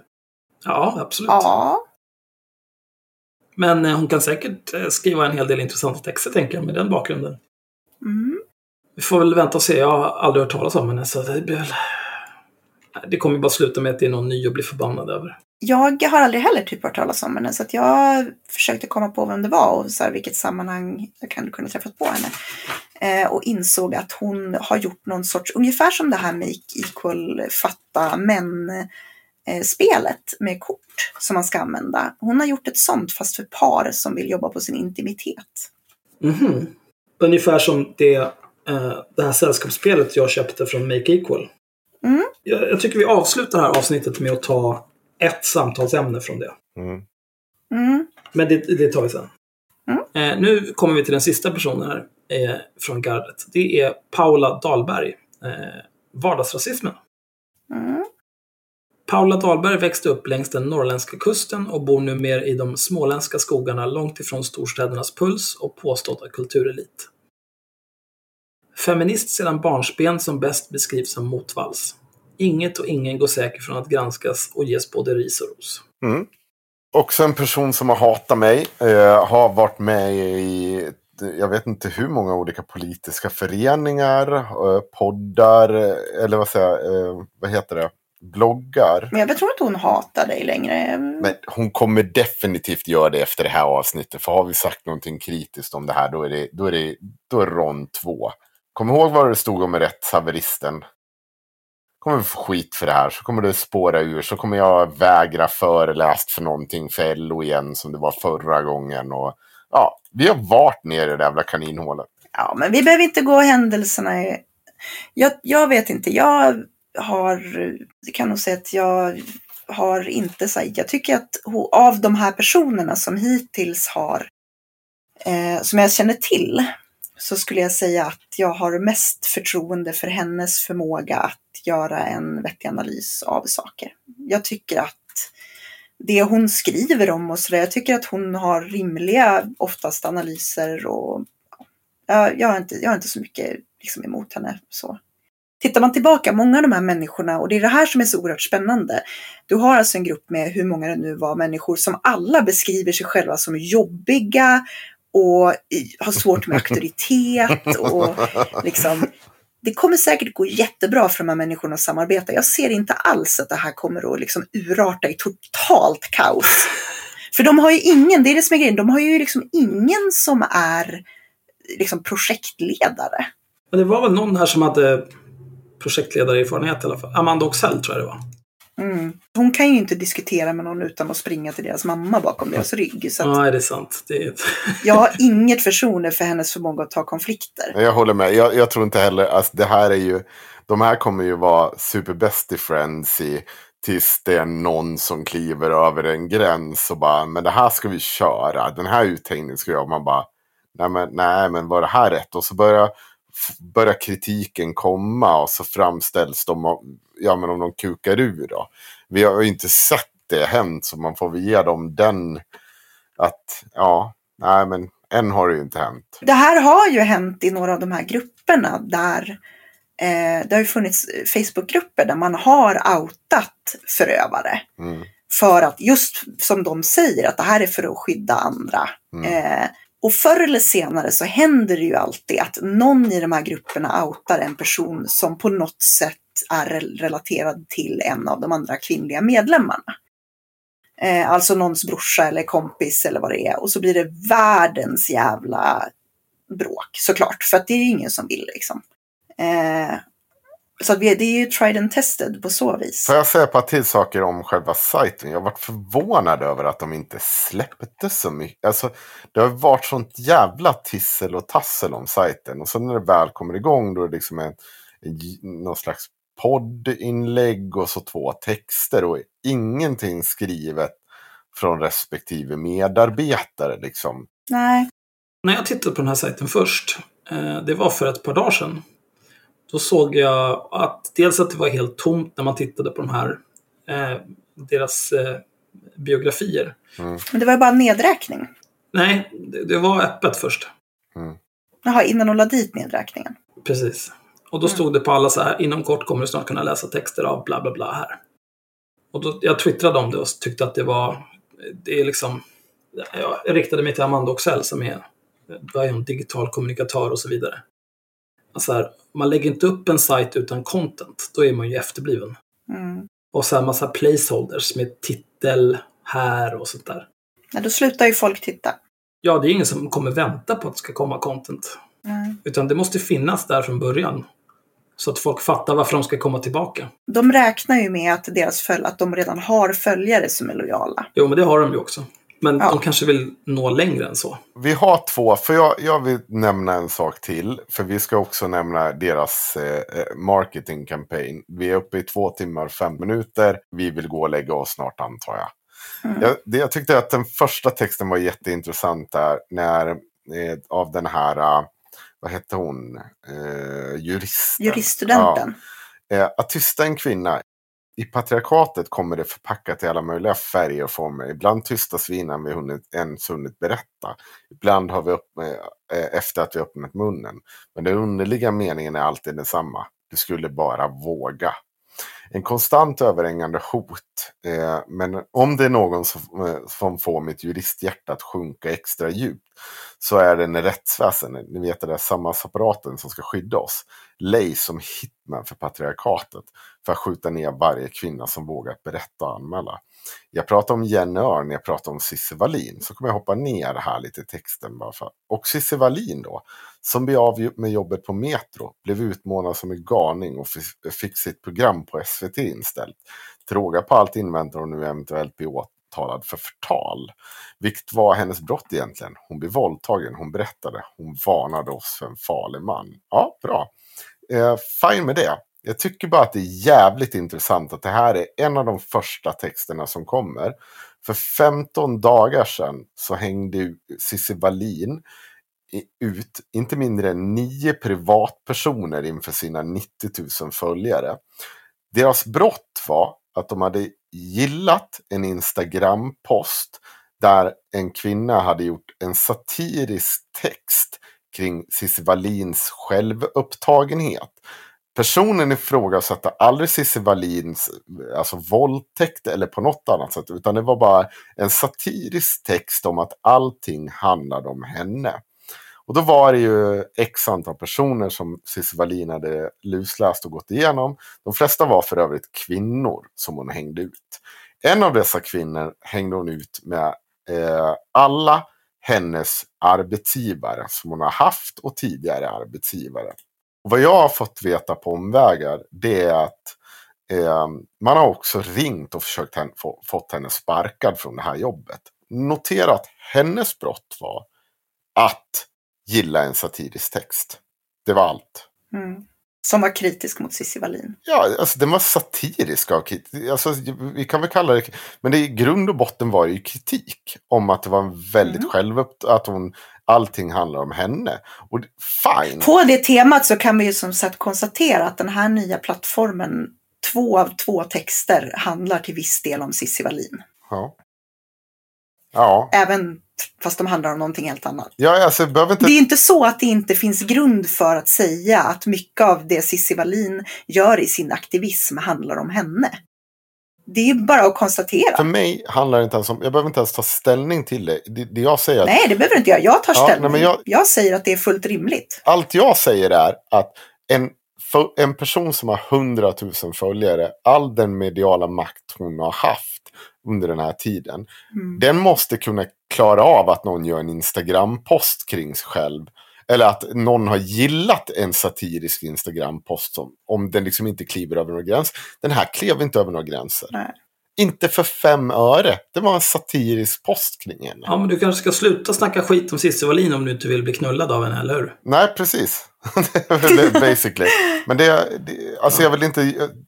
Men det blir ju så här, det blir så jävla löjligt när man sitter där. Ja, men patriarkatet gör. Ja, men vadå, är det... Ska ni slå tillbaka mot kvinnor med samma mynt? Om de råkar inte tycka... Vad är er grej med det här? Ja, men det är ju det de gör. Det är ju precis det de gör. Eh, för övrigt, en av de här, hon den här med den konstiga kortleken för par, eh, insåg jag också när jag höll på att försöka ta reda på vem det var. Jag vet att det var någon vid något tillfälle som eh, tog en skärmdump på en post där eh, hon hade eh, Alltså det var när Gudrun Schyman, jag vet inte, pratade vi om det här när Gudrun Schyman hade varit med i Fredrik Virtanens podd och sen så hade de tagit en selfie tillsammans som Gudrun Schyman, eller som Fredrik Virtanen la ut på Instagram. Och då så skrev ju Cissi Wallin om det och tyckte att det här var ju jättehemskt och det får hon väl tycka liksom att det är ganska Liksom, det, det är ganska anmärkningsvärt att en av Sveriges mest namnkunniga feminister eh, tar en glad selfie med en av Sveriges mest namnkunniga eh, över, liksom, våldtäktsanklagade.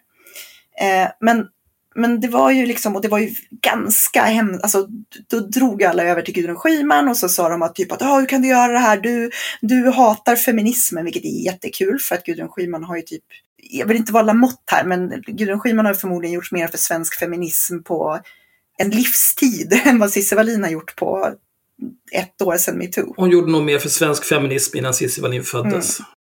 Um, så det, det var lite eh, intressant. Men då hade i alla fall Eh, en av, av de här posterna som jag fick skickat till mig, eller hur det nu var, var eh, en post av den här människan som hade skrivit eh, Detta är inte ett drev, det är rent jävla raseri.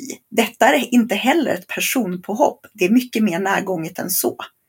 Föreningen Hur i helvete tänkte vi sammanträdde tydligen idag.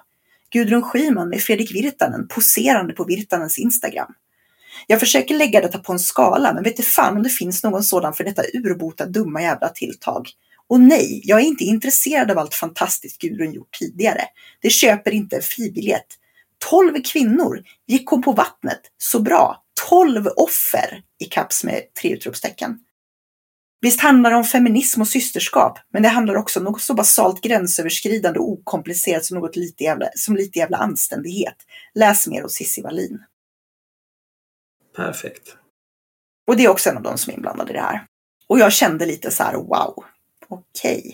Det jag tyckte var mest speciellt med det där var att hon skriver att Cissi Wallin blev av med sitt jobb på Metro. Ja, för det blev hon ju inte för att hon outade Virtanen. Hon blev ju av med sitt jobb därför att hon outade en massa andra som hade begått övergrepp. Framförallt så var det ju inte ett jobb, hon frilansade. Ja, jag, som jag har fattat det så var det väl inte ens att de sa upp samarbetet med henne utan det var liksom att hon skulle, hennes spot typ byttes ut. Det jag främst tänker på är att den här liksom historieförvanskningen. Mm. Hon är frilans på Metro. Hon har varit frilans länge, absolut, i flera år. Men hon är fortfarande mm. frilans. Cissi Wallin säger mitt fasta frilansjobb. Mm. Nu helt plötsligt är det hennes jobb. Mm. Naked Police. Ja, nej, men det kan man ju liksom göra. Och jag förstår, så här, jag förstår att Cissi Wallin känner att hon inte har fått, att hon har blivit orättvist behandlad. Eh, det har jag full förståelse för. Liksom. För att, alltså ponerar vi nu, eh, om vi väljer att tro att Cissi Wallins historia stämmer och att det här har hänt, så förstår jag att hon känner att hon inte har fått någon upprättelse. Men frågan är väl snarare så här, vad krävs det för att hon ska känna att hon ska få upprättelse? För som sagt, hon har fått mer stöd och hjälp och sympati och terapi och gud vet vad än majoriteten av alla som utsätts för övergrepp i hela Sverige. Och om inte det räcker, då är det ju kört för alla andra liksom. Mm. Så det är, jag vet inte, jag vet liksom inte hur vi ska komma någon, någon till något konstruktivt ställe med det här överhuvudtaget. Och det oroar mig lite. Ja, inget gott kommer komma av det här i alla fall. Men det kommer ge mycket bra content. Kan vi snabbt tasta igenom i deras reklamkampanj också? Ja. Gör det du. Nej, jag vill inte prata om det. Det var ni som sa att det skulle tas upp. Ni skrev det i dokumentet. Ja, ja. Eh, för att promota det här så har de... Eh, på Inst de har ett Instagramkonto också såklart. Mm. Det har i poddande stund 30 700-ish följare. Men då la de upp eh, eh, photoshoppade screenshots. Bland annat ett tweet från Alexander Bard där han skriver “Gardet is finally here. A feministic platform we all need to embrace”. Det har han ju såklart inte skrivit, men det är kul. Mm. Det är en med en, en krönika från Jan Guillou. Eh, gardet påminner mig om 68-rörelsens starka kvinnokraft. Och sen har de gjort en med Joakim Lamotte. Jag har bestämt mig för att backa den nya feministiska plattformen Gardet. Därför kommer jag i en veckas tid nu skänka hälften av allt ni swishar mig till detta nya starka initiativ av starka kvinnor. Och så har de gjort ett par sådana. Mm. Och jag tycker att det är ganska roligt. Ja. Eh, Joakim Lamotte, yrkestönt som han är, tyckte inte att det var roligt. Nej. Han blev mycket upprörd.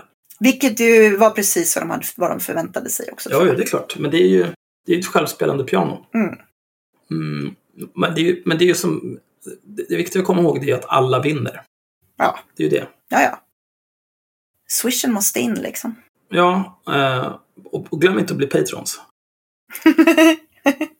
Eh, men Joakim Lamotte har ju skrivit på Facebook att han är superkränkt och menar att det här är någon typ av bedrägeri och hej och. Hans kommentarsfält är fantastiskt roliga. Jag har inte orkat läsa för att hans följare är helt hjärndöda. De är ju, det här är det värsta som har hänt någonsin. Ja. Såklart. Ja, det är klart det är det. Men de har, han, de har klippt in hans vanliga tiggeri, stöd till arbete med oberoende journalistik, Swish, kontonummer, bla bla bla. Men eh, på Swish-numret så har de ändrat sista siffran från en nolla till en nia. Jag testade att swisha en spänn, det numret är inte kopplat till Swish. Jag antar att de har gjort Nej. likadant till bankkontot. Liksom. Så det är inte som att de har Mm. försökt stjäla pengar av honom eller någonting. Nej. Men han är kränkt förstås. Och så nu har han gått och bölat till polisen och gjort en anmälan, lilla bubben. Mm. Mm. Tönt. Och det här har ju också lett till då att när, när gardet har skrivit om det här så har de enligt uppgift så har de här inläggen tagits ner från Instagram. Eh, och då får de ju skriva om det och det är ju bra content att skriva om att man blir censurerad av patriarkala Instagram. Och sen så nu får de skriva om att eh, Joakim Lamotte spelar efter manus och har anmält dem. Mm. Det är jättebra. Ja, ja. Jag tycker att det var en rolig kampanj. Jag tycker att det var roligt att Joakim Lamotte blev kränkt. Eh, Jag undrar vad Alexander Bard har sagt om det här. Han är ju inget större fan av Cissi Wallin. Nej, det är jag verkligen inte. Han är säkert kränkt, men jag orkar inte ta reda på det faktiskt. Det sparar vi till en annan gång. Mm. Ska vi ta ett sånt här kort från det här jävla leken lite snabbt? Mm. Det här är alltså eh, Make Equals, eh, typ som ett sällskapsspel fast asdeppigt. eh, allt vi inte pratar om kostar typ 100 spänn på Bokus eller Adlibris eller någonting om ni är intresserade. Framtaget för mina skattepengar. Ja, eh, jag ska se om jag kan hitta någon som är roliga. Det är inte hela poängen att man bara ska dra det så att man, man kan utsättas för potentiellt jobbiga frågor. Ja, fast nu vill inte jag ha det så. Det här manliga kontrollbehovet du dras med. Ja, men är inte det lite poängen, Axel? Det är ju inte ett underhållningsspel. Det här är för att vi ska bli bättre människor. Men jag tror inte man blir...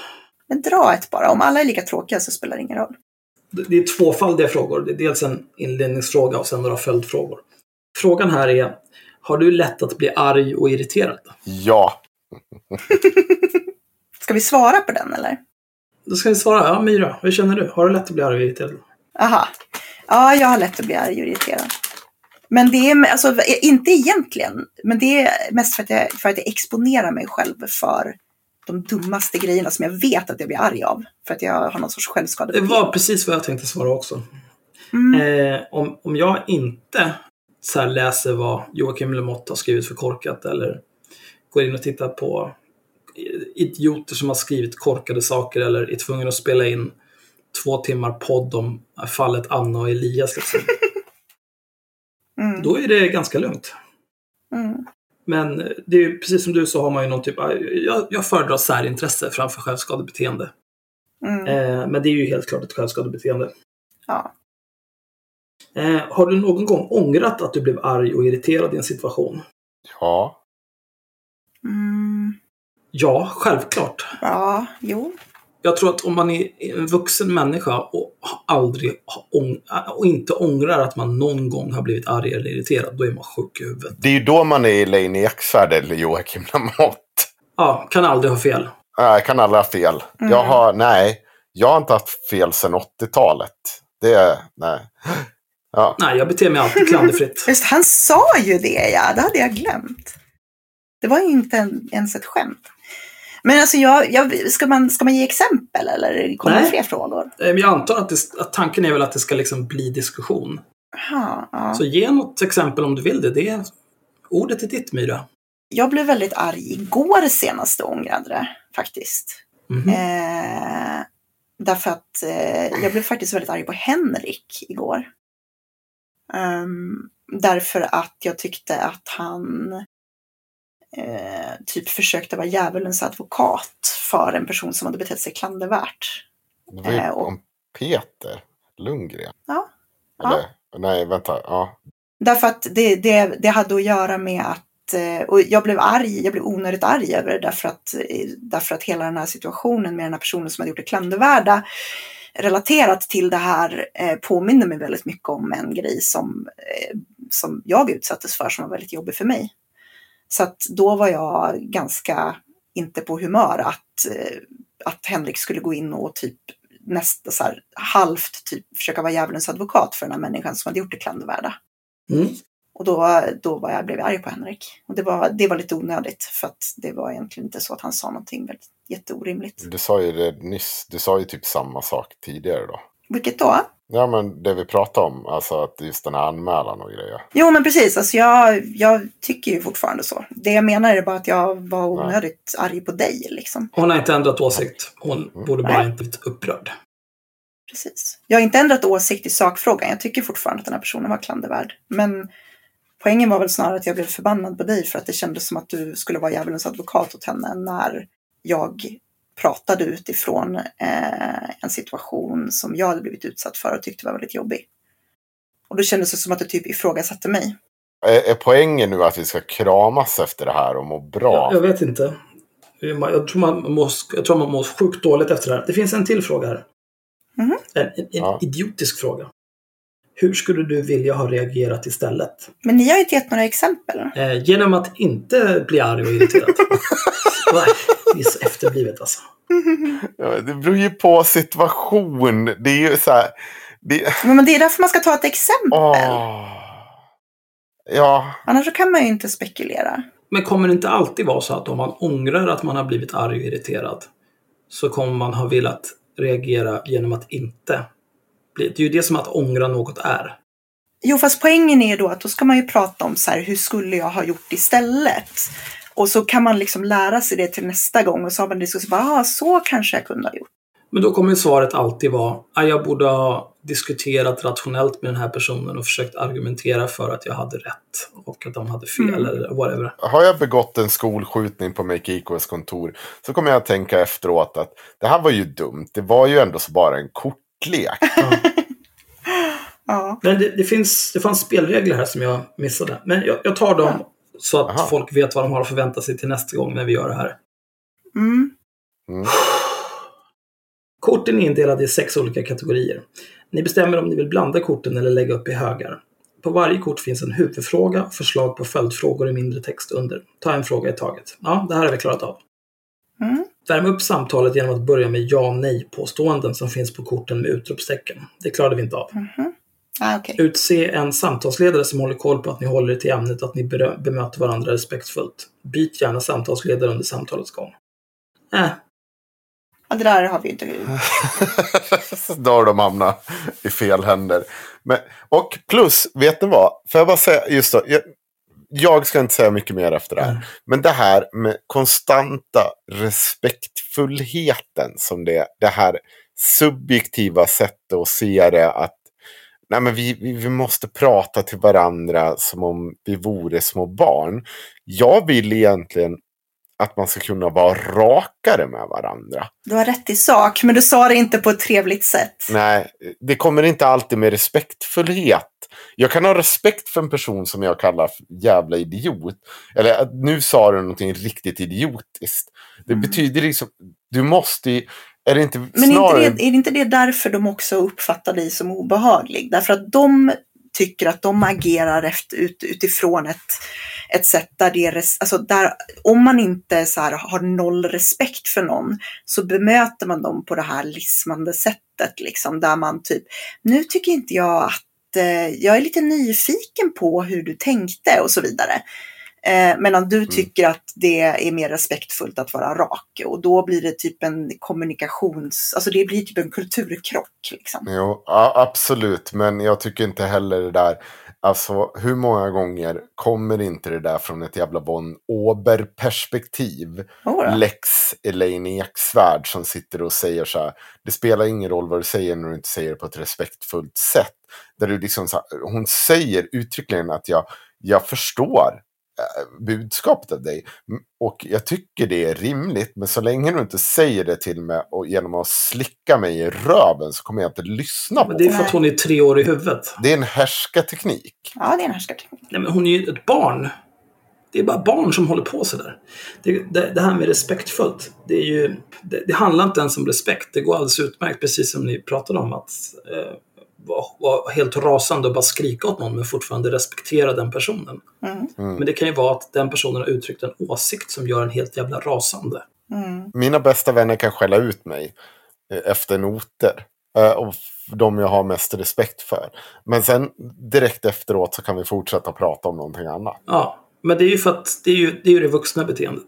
Ja, Det här är ju liksom någon typ av högstadiebeteende där man är eh, passiv aggressiv och lite så här, inte konflikträdd för att de söker ju konflikt hela tiden.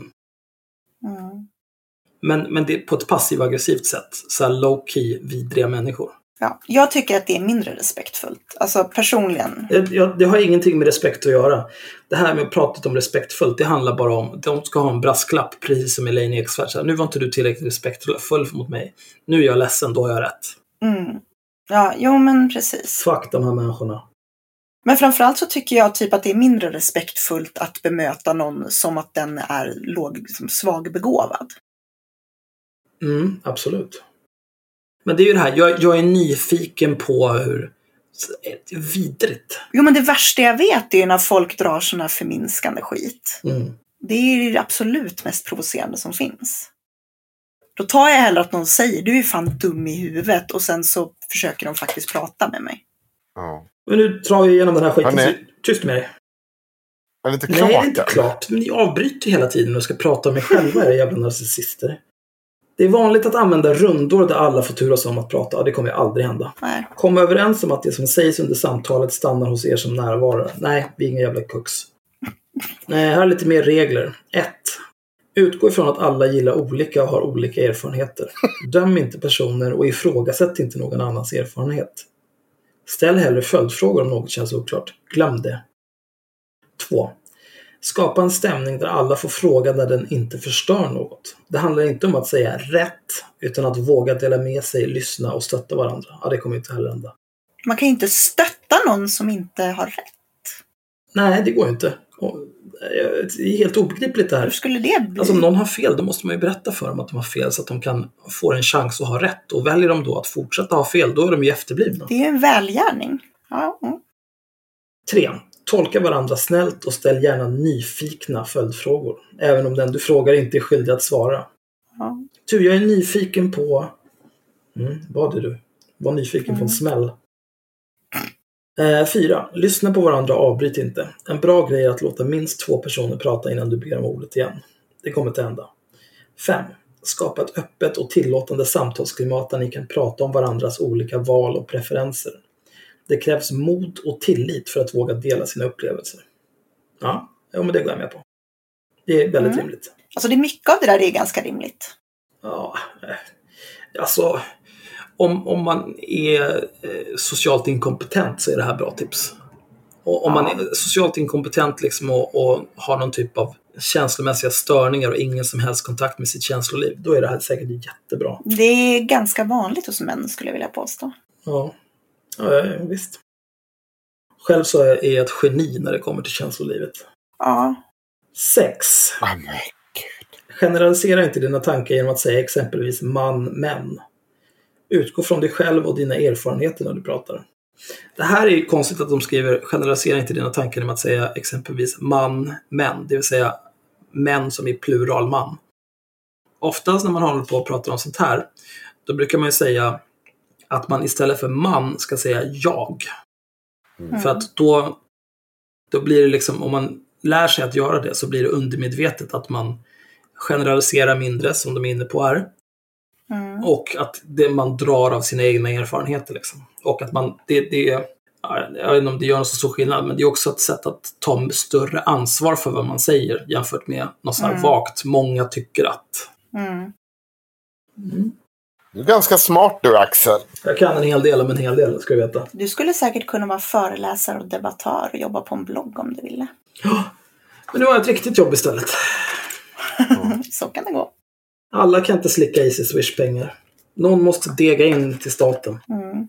Och någon måste tjäna pengarna som Swish-tiggarna lever på. Mm. Jag tänkte säga, någon måste ju liksom betala in skattepengar som går till föräldrapenning hos människorna i ga- gardets kommentarsfält som säger att de ska swisha dem.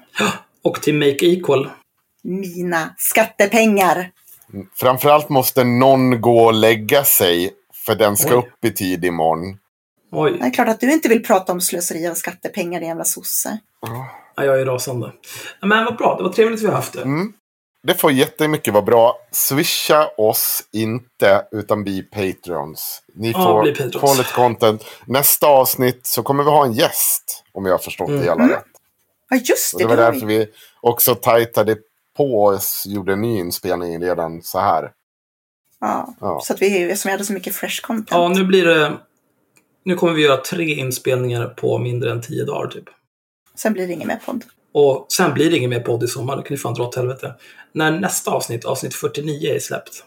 Nej, vi tar nästnästa, avsnitt 50, när säsong 2 är slut. Då blir det Mm. inte ett enda jävla avsnitt till förrän vi har 300 patrons. Fucking lös det. Det blir säsongsavslutning med cliffhanger. Eh, jag kan ge, lite... Vår nästa gäst är, är en kvinna. Mm. Eh, och det är en person som tack vare utbildning och arbetslivserfarenhet kan en hel del om det vi ska prata om. Det är inte Mm. en Nackamorsa med för mycket fritid. Oh, bra teaser. Bra! Bra! Jag ser jättemycket fram emot det. Eh, bli patrons. Mm, men, och ni två måste fylla på dokumentet inför nästa avsnitt om vad vi ska prata med vår kära gäst. Mm. Ja. För gör ni inte det, då kommer jag fan kuka ur. Ja, men det är inga problem. Bra, då klipper vi här nu. Bra. Puss och kram, Tack och godnatt. Tack och hej. Hitler.